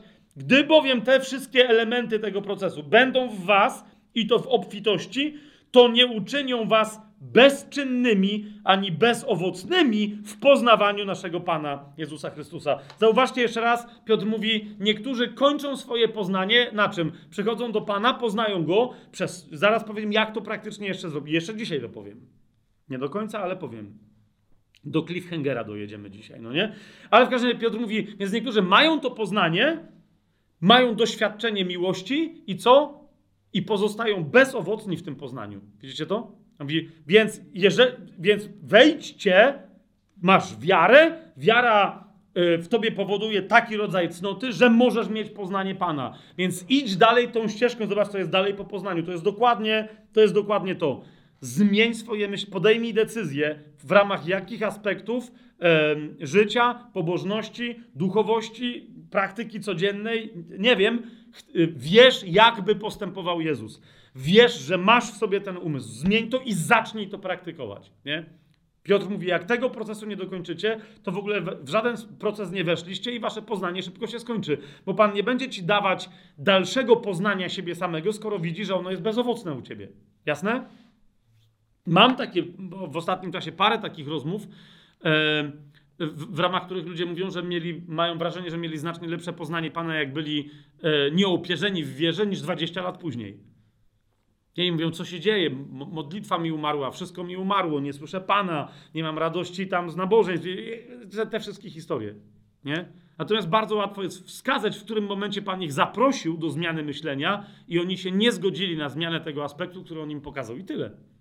Trzeba tam wrócić. Jeszcze raz. Ale to może ja zmienię inne rzeczy. Jeżeli Pan, rozumiesz, mnie Pan powiedział coś na temat finansów, a może Tobie Pan coś powie na temat y, pożycia małżeńskiego. Rozumiesz o co chodzi? Ja nie wiem. I teraz nie tłumacz się, że ale to ja najpierw zrobię to, co Fabian, tak samo jak ja się nie będę tłumaczyć, że ja teraz zrobię. Nie? To co Ania? Czy to co Piotrek? Akurat na, na Piotrka pokazywałem. Bo, bo Pan mnie prowadzi taką ścieżką i ona nie jest twoją ścieżką, po prostu. I jeżeli on mówi, nie, nie poprowadzę cię dalej, najpierw masz zmienić to, to on wie, dlaczego tak jest i tyle. Ja nie mam żadnego. On jest Panem, a nie ja. Amen? Więc kochani, zobaczcie, Piotr ma to samo. Jeszcze raz mówi o jednej boskiej naturze, która jest w nas. Patrzcie, jak Paweł na przykład pisze do, yy, do Filemona na przykład. Hmm? To jest króciutki liścik i tam jest konkretna, praktyczna rzecz, którą on tam chce e, z nim, e, e, którą to rzecz chce z nim podjąć i rozwiązać. Nadal, jak mu mówi o tym, że się o niego modli, to zauważ, o co on się dla niego modli. List do Filemona, pierwszy, bo jedyny rozdział, szósty werset. Modlę się, aby udzielenie Twojej wiary doprowadziła, doprowadziło w Tobie, a, a, a potem też i w innych, do czego? Do poznania wszelkiego dobra, które jest w was przez Chrystusa Jezusa. Widzisz to? Mi cały czas masz poznawać Chrystusa, a przez poznawanie Jego poznajesz co? Swoją naturę, bo Ty masz Jego naturę. Ale teraz następnie, jak masz to, to masz się tym zacząć dzielić z innymi. To się ma rozmnażać, rozprzestrzeniać, ma się zamieniać w praktykę Twojego życia. Mamy to? Mamy? Podsumujmy tylko na sam koniec. Bo zobaczcie teraz, dlaczego Paweł mówi o tym, że uznał wszystko inne za śmieci, za całe swoje życie religijne, pochodzenie etniczne, tradycje swojego narodu. Wszystko uznał za śmieci wobec e, jedynej wartości, jaką stanowi poznanie Chrystusa. To jest list do Filipian, trzeci rozdział. Od siódmego wersetu. List do Filipian, trzeci rozdział, od siódmego wersetu. Ale to wszystko, co było dla mnie zyskiem do tej pory, ze względu na Chrystusa uznałem za stratę. I patrz, ten sławny ósmy werset, ale my go musimy nie tylko, wiecie, posługiwać się nim i nosić na sztandarach, tylko posługiwać się w praktyce swojego życia. Owszem, mówi Paweł, wszystko uznaję za stratę wobec czy w porównaniu do znakomitości, do genialności, cudowności poznania Chrystusa Jezusa, mojego Pana, dla którego wszystko utraciłem i uznaję to za gnój, byle tylko zyskać Chrystusa. I, i on tu, rozumiesz, to jest, on, zauważ, to jest list do Filipian, w którym w drugim rozdziale mówi yy, yy, w piątym wersecie, niech będzie w was taki sposób myślenia, jaki jest w Chrystusie Jezusie. Nic innego się nie liczy. Jeżeli nie masz tego sposobu myślenia, to nie ma żadnego wyjaśnienia dla ciebie, ale bo ja jestem Polakiem. Bo on, on rozumiecie, tu podaje całe takie, nie takie cielesne, że mam porządliwości, baby mi się podobają, albo chłopy, albo lubię kraść, yy, bym se chętnie poużywał tego czy tamtego. Nie, on tu mówi o dosyć takich szlachetnych rzeczach. Zobaczcie w trzecim rozdziale. Yy, czwarty werset. Mówi, chociaż i ja mógłbym pokładać ufność w ciele. I zauważ, nie mówi o jakichś grzechach jeżeli ktoś inny uważa, że może pokładać ufność w ciele, to tym bardziej ja, obrzezany ósmego dnia. Popatrz, zgodność ze Słowem Bożym, tak? Z rodu Izraela, z pokolenia Beniamina, Hebrajczyk z Hebrajczyków, co do prawa faryzeusz, co do gorliwości prześladowca Kościoła, a co do sprawiedliwości opartej na prawie, sensacyjne wyznanie Pawła, nienaganny. W pewnym momencie zacząłem wypełniać prawo tak, że w niczym go nie złamałem. A więc zauważ, on podaje, mówi rzeczy, to nie są złe rzeczy. I mówi, nadal te rzeczy uczyły mnie innego sposobu myślenia niż jest w Chrystusie. To nie jest umysł Chrystusa. Czy to jest jasne? I mówi, te rzeczy odrzucam i uznaję je za stratę, chociaż zauważ, ile to musiało być wysiłku, żeby je pozyskać. To obczaj 613, wtedy jeszcze świątynia, było wszystko, 613 tych wszystkich przykazań, żeby być nienagannym. Nie, on mówi, byłem, faryzeusz nienaganny. I jeszcze zabijałem innych, taki byłem gorliwy. Prześladowałem Kościół Boży. I to mówi, te wszystkie rzeczy, które inni podziwiali we mnie, teraz mnie nazywają zdrajcą i tak dalej. Mówi, co to ma do rzeczy, skoro mnie uczyły nie Chrystusowego sposobu myślenia. Ze względu na poznanie Chrystusa, wszystko to nie jest dla mnie żadną stratą. To jest zwyczajny gnój, śmieci i śmierdzące odchody. Nic więcej. O tym Paweł mówi, kiedy mówi o przemianie swojego. Chcesz zacząć doświadczać w swoim życiu mocy Bożej, która przez ciebie ma przepływać, bo taka jest wola Boża, jak przepływała przez Chrystusa? Paweł mówi, no to to jest jedyna cena, którą trzeba zapłacić. A jaka to jest cena? Zacząć myśleć tak jak Chrystus? A czy to nie o tym mówimy cały czas, że tak go kochamy, że chcemy go e, e, naśladować we wszystkim? No to o co chodzi?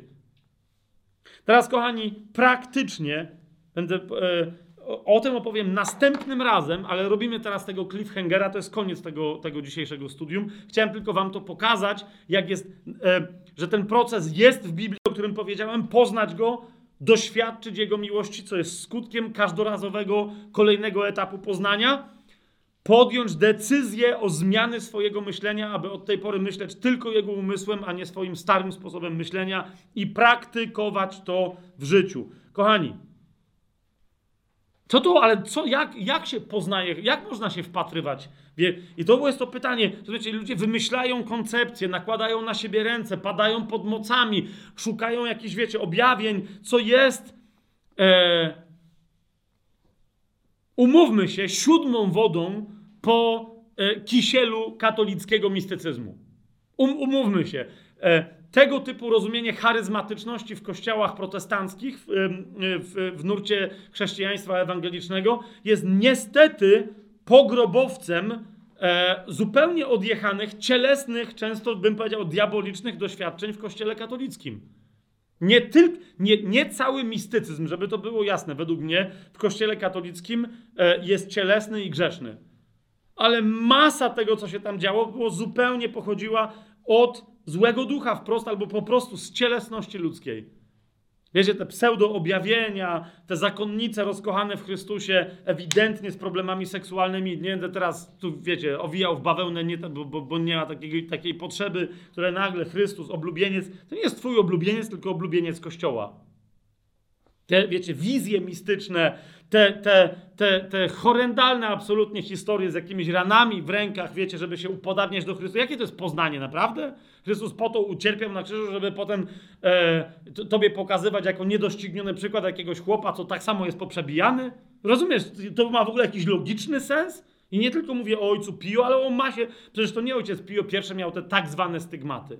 Tak, tylko Franciszek z bodaj. I to też, czy on tam, co on tam miał, a ile z tego potem wykombinowali Franciszkanie, to jest następna historia. I teraz rozumiecie, niektórzy myślą, że nadal, nie, nie, my tu mamy Biblię, nie mamy obrazków i tak dalej, ale kiedy jest mowa o poznaniu Chrystusa, o wpatrywaniu się twarzą w twarz w Jego chwałę, mówią, to to musi być coś takiego chyba, nie? Nie tak jak no, Biblia, ale no, no, Franciszek, no może katolikiem był, ale szukajmy takiego doświadczenia, jak ten miał. Jak miała, nie wiem, Teresa Wielka, jacyś Jan od Krzyża, karmelici, ci, tacy jacyś ludzie. Nie, no przecież my nie mamy... Ale gdzie ty to masz w Biblii, powiedz mi? I wtedy nagle się dowiaduje, no bo Paweł znał człowieka, co 12 lat temu poszedł do, do nieba trzeciego w ciele, nie wiem, czy poza ciałem, nie wiem. Jeszcze raz, to, to był Paweł. Jeszcze raz, czy ty i ja możemy mieć takie doświadczenie? Możemy mieć. Sęk tylko w tym, że jeżeli czasem to doświadczenie ma taki wymiar, że jesteś jakby w transie, tak jak Paweł mówi, że ja nawet nie wiem, jak to było, czy to było w ciele, czy poza ciałem, co się tam wtedy wydarzyło, to nawet w życiu takiego mistyka, jakim był Paweł, to było, zwróćcie uwagę, wydarzenie wyjątkowe. Ok? Słowo Boże daje nam klarowny przepis, i znowu ten przepis składa się według mnie z czterech aspektów, jak się zaczyna poznanie Pana. Ok? Podaję Wam teraz cztery składniki, ale czwarty pozostawiam sobie na następny raz i od niego dopiero następnym razem zaczniemy. Pierwszy składnik to jest mianowicie Słowo Boże. Nie ma żadnego innego poznania. E, w, w Biblii proces przemiany myślenia, upodabniania się do Chrystusa, a więc ujawniania w nas e, tego, czym my już jesteśmy, ujawniania naszej natury, jest nazywany także procesem albo stanem uświęcenia lub procesem uświęcania. E, słyszycie, co teraz powiedziałem? Jest taki wyraz, takie zjawisko, taki temat teologiczny, ale jeszcze raz teologiczny to jeden, a biblijny to przede wszystkim, a nie to, co tam niektórzy wymyślają. Więc Biblia mówi, że my jesteśmy raz na zawsze uświęceni kompletnie, ale jednocześnie, że to uświęcenie się w nas objawia. Tak? I teraz. E, e, Jaki jest więc pierwszy składnik tego, aby się w nas ta świętość natury Chrystusa ujawniła? Pierwsze to jest Słowo Boże, powiedziałem. Jezus w Ewangelii jest oczywiście mi, milion fragmentów Biblii, które mógłbym teraz przywoływać w takiej czy innej konstelacji, ale 17 rozdział Ewangelii Jana, 17 werset. Bardzo łatwo sobie zapamiętać, Jan 17, 17. Pan Jezus mówi, e, modli się do Ojca, mnóstwo prawd wypowiada na nasz temat. tego, co już się stało, nawet jeszcze przed krzyżem, oraz tego, co się zaraz stanie w wyniku ukończonego dzieła krzyża. Nie? Ale Jezus, modląc się do Ojca, mówi jedną znamienitą rzecz, mianowicie mówi do Niego w 17 wersecie 17 y, rozdziału Ewangelii Jana: Uświęć ich w Twojej prawdzie. Twoje słowo jest prawdą. Ok? A więc pierwsza rzecz, potrzebujemy Słowa Bożego. Zanim powiecie mi, tak, ale na ludzie znają słowo i na tej podstawie powoli. Muszą być cztery składniki, tak? Samo słowo nie zadziała. Ja wiem, niektórzy się szokują, jak to powtarzam, ale jeszcze raz, nikomu nigdy nic dobrego się nie stało od samego czytania Biblii. Tak? A wręcz powiedziałbym, że ludziom się złe rzeczy działy przez czytanie Biblii, jeżeli brakowało pozostałych elementów, o których zaraz powiem. Nie? Ludzie tworzyli straszliwe, horrendalne, przykre e, i zbrodnicze systemy całe, twierdząc, że oparli je e, na Słowie Bożym. Mordowali innych, usprawiedliwiali niecne czyny itd., tak itd. Tak Samo czytanie Biblii jeszcze niczego nie daje. I inna rzecz, że Jezus tu nie o tym mówi. Okay? Druga rzecz to jest modlitewne podejście do Słowa Bożego. Pierwsze, co to oznacza? Aby przez, poprzez słowo, czyli słowo, ale drugie to jest modlitwa. E, I w tym wypadku nie chodzi o modlitwę o coś do Boga, ale o modlitwę w jej fundamentalnym znaczeniu, pierwsza, w jej pierwszej definicji. A pierwsza definicja modlitwy z mojego punktu widzenia w Biblii to nie jest proszenie o coś, chwalenie itd., tak itd. Tak nie? Czasem jak się dzieci pyta, e, także na szkółkach niedzielnych, co to jest modlitwa, to, oni, to, to dzieci mówią, że to jest mówienie, roz, rozmawianie z Bogiem i tak dalej, i dalej, nie? Zawsze jest ten aspekt, uważajcie, Biblia pokazuje to, co potem nazywa w taki czy inny sposób modlitwą, że najpierw to jest spotkanie z żywym Bogiem. Okay? Ty możesz mówić do Boga, ale jak się z nim nie spotykasz, to to, to nie jest modlitwa. To nie ważne, że to brzmi jak modlitwa. A więc masz mieć świadomość spotkania, zauważ. Nie? A więc poznanie do nas przychodzi przez słowo, ale do którego my podchodzimy modlitewnie, a to znaczy, że my modlimy się przy pomocy słowa, ale po co? Aby się spotkać z Bogiem. Nie aby się czegoś dowiedzieć, nie aby e, coś zrozumieć, nie żeby coś uzyskać, lecz aby się spotkać. Czy to jest jasne? M mamy to? Spójrzcie list do Rzymian, żeby, y, bo już mi tu pokazuje, że dwie godziny minęły. Y, Piotr, więc szybciutko tylko list do Rzymian, żeby to y, sprawnie uzasadnić. Wystarczy nam choćby dziesiąty rozdział listu do Rzymian, a w nim siedemnasty werset. Wiara to jest podstawą wszystkiego, albo my przez, my przez wiarę otrzymujemy łaskę, wszelką łaskę. Łaska za łaskę. Ale zwróć uwagę, 10 rozdział, 17 werset, wiara jest ze słuchania. UBG tutaj genialnie tłumaczy, a słuchanie jest przez lub też poprzez Słowo Boże. Masz słuchać głosu Bożego przez to, co wyczytujesz z Biblii, a nie słuchać czytania Biblii. To są dwie różne rzeczy lub czyichś interpretacji. Nie? Nawet jak słuchasz na przykład tego nauczania, cały czas zadawaj sobie pytanie, nie czy ja mówię prawdę, czy nie. To jest też dobre pytanie. Ale co w danym momencie przez takie nauczanie mówi do ciebie Bóg? I tylko to jest istotne. A nie cała... Cała oczywiście pytanie, jak ktoś kłamie w ramach nauczania Słowa Bożego, to już zupełnie jest nonsens, tak? Ale nawet kiedy mówi prawdę, wszystko to super, ale co teraz Bóg do mnie mówi poprzez to Słowo Boże, które słyszę. A więc wiara rodzi się ze słuchania, czy pochodzi, e, powstaje ze słuchania i rozwija się ze słuchania, ale tym, czego się słucha, to jest to, co się słyszy poprzez Słowo Boże, a to albo jest e, głos Boga, albo to znaczy, że my w ogóle niczego nie słyszymy. I druga rzecz, bardzo istotna, zauważ, spotkanie świetnie, na przykład list do Hebrajczyków to, to, to, to, cudownie w wielu miejscach wyraża, ale to teraz, żebyśmy szybcy byli, to sobie otwórzmy e, czwarty rozdział listu do Hebrajczyków w szesnastym wersecie. Zauważ, e, to jest pierwsze, nie? Zanim my zaczniemy coś mówić, robić, przyjmować, odbierać, dawać na modlitwie, nieważne co, pierwsze musi dojść do spotkania. Czwarty rozdział, szesnasty werset. Przystąpmy więc z ufnością do tronu łaski. Tak? E, ta myśl się tu na różne sposoby przewija w liście do Hebrajczyków i znajduje swój szczytowy wyraz w dziesiątym rozdziale od 19 wersetu. Mając więc bracia śmiałość, aby przez krew Jezusa wejść do najświętszego miejsca, a co jest w najświętszym miejscu? Obecność samego Pana, nie ma tam nic innego, tak? Drogą nową i żywą, którą On zapoczątkował dla nas przez zasłonę, to jest przez swoje ciało, i mając tak wielkiego kapłana nad domem Bożym, czyli Chrystusa, co, mówi tam 22 werset, zbliżmy się ze szczerym sercem w pełni wiary.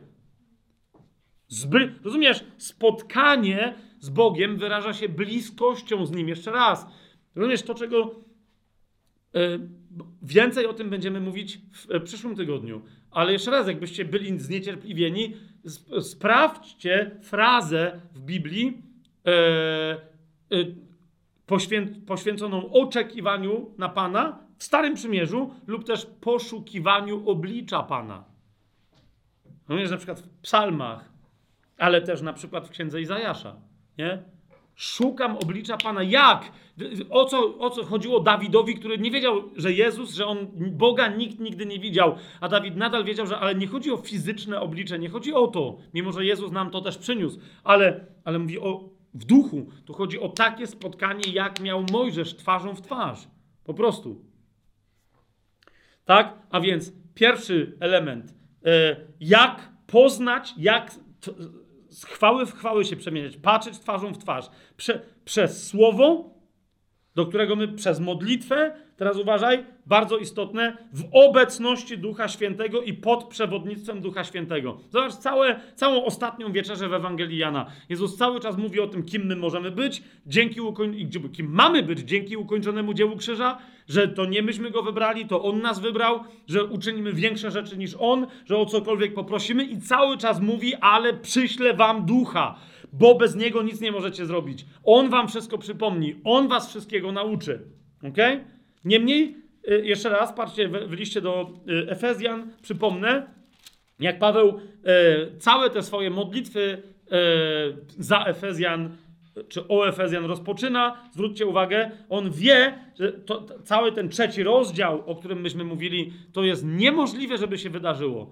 Poznanie Słowa Bożego, zbliżenie się do tronu Bożego, przez krew Chrystusa, przez Jego... Wszystko gra, ale to możesz zrobić tylko i wyłącznie w Duchu Świętym. Poznanie jest możliwe, prawdziwe, przez Słowo, w Słowie, na modlitwie, tylko i wyłącznie w Duchu Świętym. Więc to jest trzeci bardzo istotny spoiwo, tak? Możesz, bo, bo niektórzy mówią Słowo Boże. Tak, ale ty się musisz modlić. Nadal możesz się modlić jak poganin nad tym Słowem Bożym i dochodzić do idiotycznych wniosków. Musisz mieć ducha. Ojciec chce mieć wyznawców, którzy będą go czcili w duchu i w prawdzie. Tak? Duch i słowo. Zobaczcie, pierwszy rozdział listu do Efezjan, 17 werset. Paweł tam prosi o co? Aby Bóg naszego Pana Jezusa Chrystusa, Ojciec chwały, dał wam ducha mądrości i objawienia w poznaniu Jego samego. Wiadomo, że to poznanie jest przez Jezusa. Ojciec chwały, pełnię swojej chwały wyraża w obliczu swojego Syna. Amen? Ale żeby móc widzieć w, w duchu, potrzebujesz jeszcze raz duchowego doświadczenia. Nie pseudo, namiastek, jakiś głupot, podróbek duchowego doświadczenia, ale autentycznego doświadczenia, które zaowocuje w tobie odruchem miłości i potrzebą, aby tą miłością obdarowywać innych. Wtedy co się dzieje? E, a, bo jeszcze jest czwarty element. Jak, jakbyście chcieli. Po... Wiem, że to teraz dziwnie zabrzmi, ale rozumiecie, modlimy się. Ma, mamy Słowo Boże, modlimy się z tym Słowem Bożym i mamy Ducha Świętego. A ja mówię, jest jeszcze czwarta rzecz. Jest jeszcze czwarta rzecz. W momencie, kiedy mamy tę czwartą rzecz, wiecie co się dzieje? Jest y, jeden z najcudowniejszych tekstów proroczych i nim dzisiaj skończymy. Nawiasem mówiąc, w tym tekście jest objawiony ten czwarty e, składnik, przez który możemy patrzeć twarzą w twarz, przemieniać się z chwały w chwałę. To jest mianowicie Księga Psalmów. W Księdze Psalmów znajduje się tajemniczy tekst. Nie wiadomo, kto jest jego autorem. Eee, niektórzy mówią, że Dawid, no bo tematy Dawidowe tam się e, powtarzają. Inni mówią, że to jest Mojżesz, bo to jest zaraz po psalmie Mojżesza, bo Mojżesz też ma jeden psalm w Księdze Psalmów. Em, a ja mówię, że to jakby wszystko fajnie, ale wiemy, że no, autorem jest Duch Święty. To jakby co się tam spierać, kto. Zwłaszcza, że tu właśnie tu nie potrzeba. To jest 91 psalm. E, jeżeli ktoś z Was miałby wątpliwość, jak wygląda życie człowieka, w którym się w pełni e, realizuje ukończone dzieło krzyża, to wystarczy sobie przeczytać 91 psalm. Jesteście razem ze mną? Jeszcze raz. To jest prawda w życiu człowieka, który żyje ukończonym dziełem krzyża. A jak sobie pomyślicie, ok, już wszystko wiemy, to zaraz to, tu jest czwarty sekretny składnik, ingrediencja potrzebna nam do tego, aby uczciwie, naprawdę, w, w pełni mocy tego doświadczenia zacząć poznawać Pana. Kto, czytamy, patrzcie, cały psalm. Kto mieszka pod osłoną Najwyższego, w cieniu Wszechmocnego przebywać będzie. Będę mówić o Jahwe, moja ucieczka i twierdza, mój Bóg, Jemu będę ufać. Zaprawdę, i patrzcie, co się tutaj dzieje. To nie są obietnice, nie? To jest fakt. Rozumiesz, cały psalm 91 jest zapowiedzią proroczą życia człowieka, chrześcijanina, normalnego chrześcijanina, który żyje normalną wiarą Jezusową w swoim życiu. To powinno być jego doświadczenie. Zaprawdę on wybawi, wybawi cię z sideł łowcy i od zgubnej zarazy. Jaki COVID miałby, miałby ci zagrażać? Okryje cię swoimi piórami i pod jego skrzydłami będziesz bezpieczny. Jego prawda będzie ci tarczą i, pukle, i puklerzem. Nie ulękniesz się strachu w nocy, ani pocisku, który będzie zmierzać w twoją stronę za dnia ani zarazy, która przychodzi w ciemności, ani dżumy, która pustoszy w południe. Tysiąc będzie padać śmiertelnie, umrze u Twojego boku, a dziesięć tysięcy po Twojej prawicy, ale Ciebie to nie dosięgnie. Nie, Twoje życie jest bezpieczne. Zauważ, fizyczne. Tylko zobaczysz na własne oczy i ujrzysz zapłatę daną niegodziwym. Ponieważ Jahwe, moją ucieczkę i najwyższego, uczyniłeś swoim mieszkaniem, nie spotka cię nic złego, ani. Jaki jest wyjątek od nic złego? Nic złego z wyjątkiem COVID-24. Nie, nic oznacza nic złego. Cokolwiek miałoby złe skutki w Twoim życiu, nie spotka Cię nic złego, ani żadna plaga nie zbliży się do Twojego y, miejsca zamieszkania. Rozkaże bowiem o tobie swoim aniołom, aby cię strzegli na wszystkich twoich drogach. Na rękach będą cię nosić, abyś przypadkiem nie uderzył swojej nogi o kamień. Pamiętacie? Diabeł, który wie, że to jest psalm o Synu Bożym, między innymi cytuje to Jezusowi. Mówi, to, to, to rzuć się w takim razie, bo jest o tobie napisane, a Jezus nie mówi, że to nie jest o nim napisane, tylko mówi, owszem, owszem, ale nie wiesz o co chodzi. Ja Biblię znam lepiej niż ty.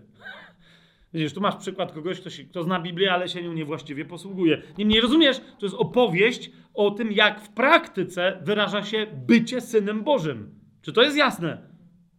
Dalej. Będziesz stąpał po lwie i po żmii. Bo diabeł jak lew ryczący krąży szukając kogo pożeć, a rozumiesz, ten krąży, a ty po nim chodzisz. To jest takie, taka jest rzeczywistość Syna Bożego. Zawsze ma go pod swoimi podeszwami.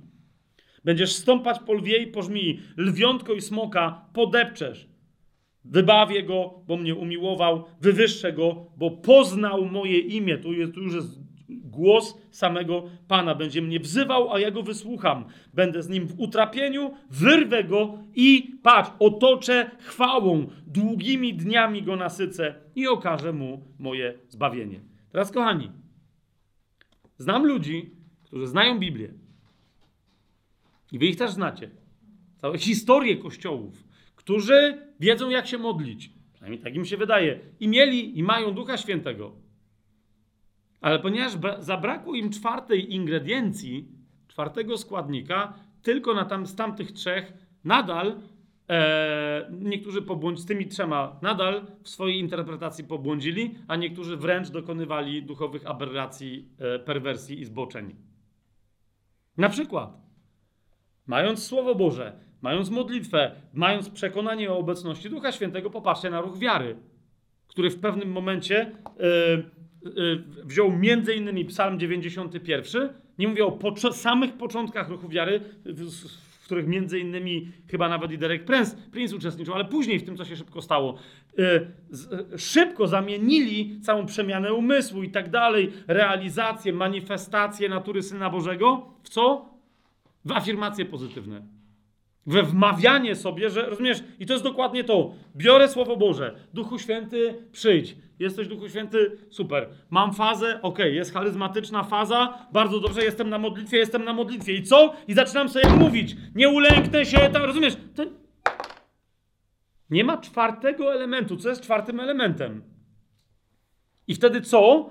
Niby masz słowo, niby masz modlitwę, jest, jesteś nowonarodzoną osobą, więc jest Duch Święty. Dlaczego?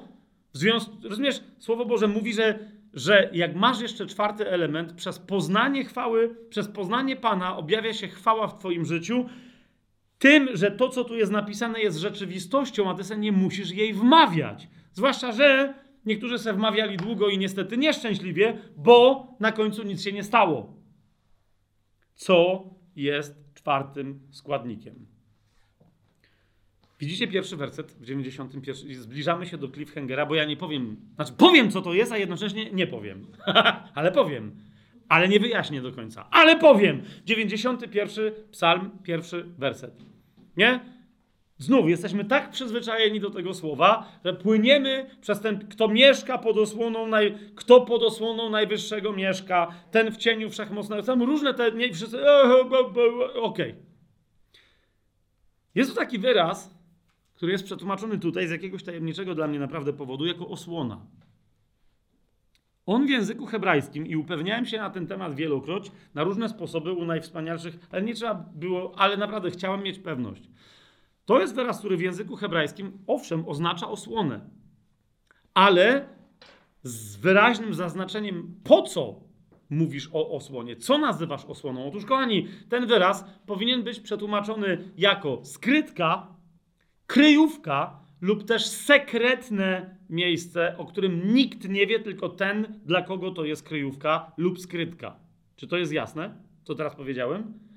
Sekretne miejsce. Ta, rozumiesz? E, skrytka, owszem, jeżeli ty gdzieś chowasz pieniądze. Nikt nie wie, gdzie one są schowane, tylko ty. Ok? Lub też masz jakichś wrogów i teraz ty uciekasz do miejsca, które jest twoją kryjówką, ale uważaj, o którym nikt nie wie. I w tym sensie mówi się, że to jest osłona. Dlaczego? Po, ponieważ tu nie chodzi o zasłonę, bo wtedy wszyscy mówią, o tam jest jakaś zasłona. Co jest za zasłoną? Tak? Nie, tu chodzi o kamuflaż. O taki rodzaj zasłony, że ty nawet nie wiesz, że jest jakaś zasłona, która coś zasłania, a ty za tą zasłoną możesz się schować, tak że nikt nie wie, gdzie jesteś, gdzie się ukryłaś, czy ukryłeś. Czy to jest jasne? A, I w przyszłym tygodniu wam pokażę inne zastosowania tego wyrazu. Sami sobie możecie poszukać, nie? Ale jeszcze raz, oznacza to skrytkę na coś lub też kryjówkę dla kogoś.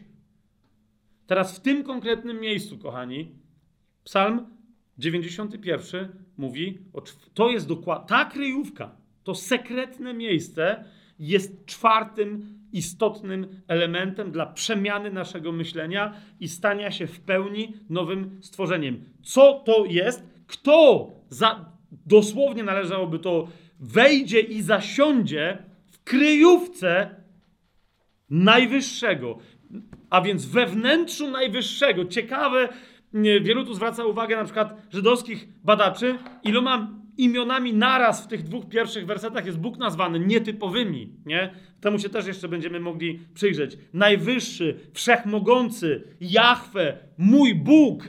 Dokładnie to samo, wiecie, to, to co jest, to jest dokładnie to samo sformułowanie, co Jezus, kiedy krzyczy e, e, Eli, Eloi, Eloi, e, lema sawachtani na krzyżu. To jest dokładnie, rozumiesz? Mu, Jahwe, mój Bóg, wszechmogący, najwyższy. Naj, rozumiesz?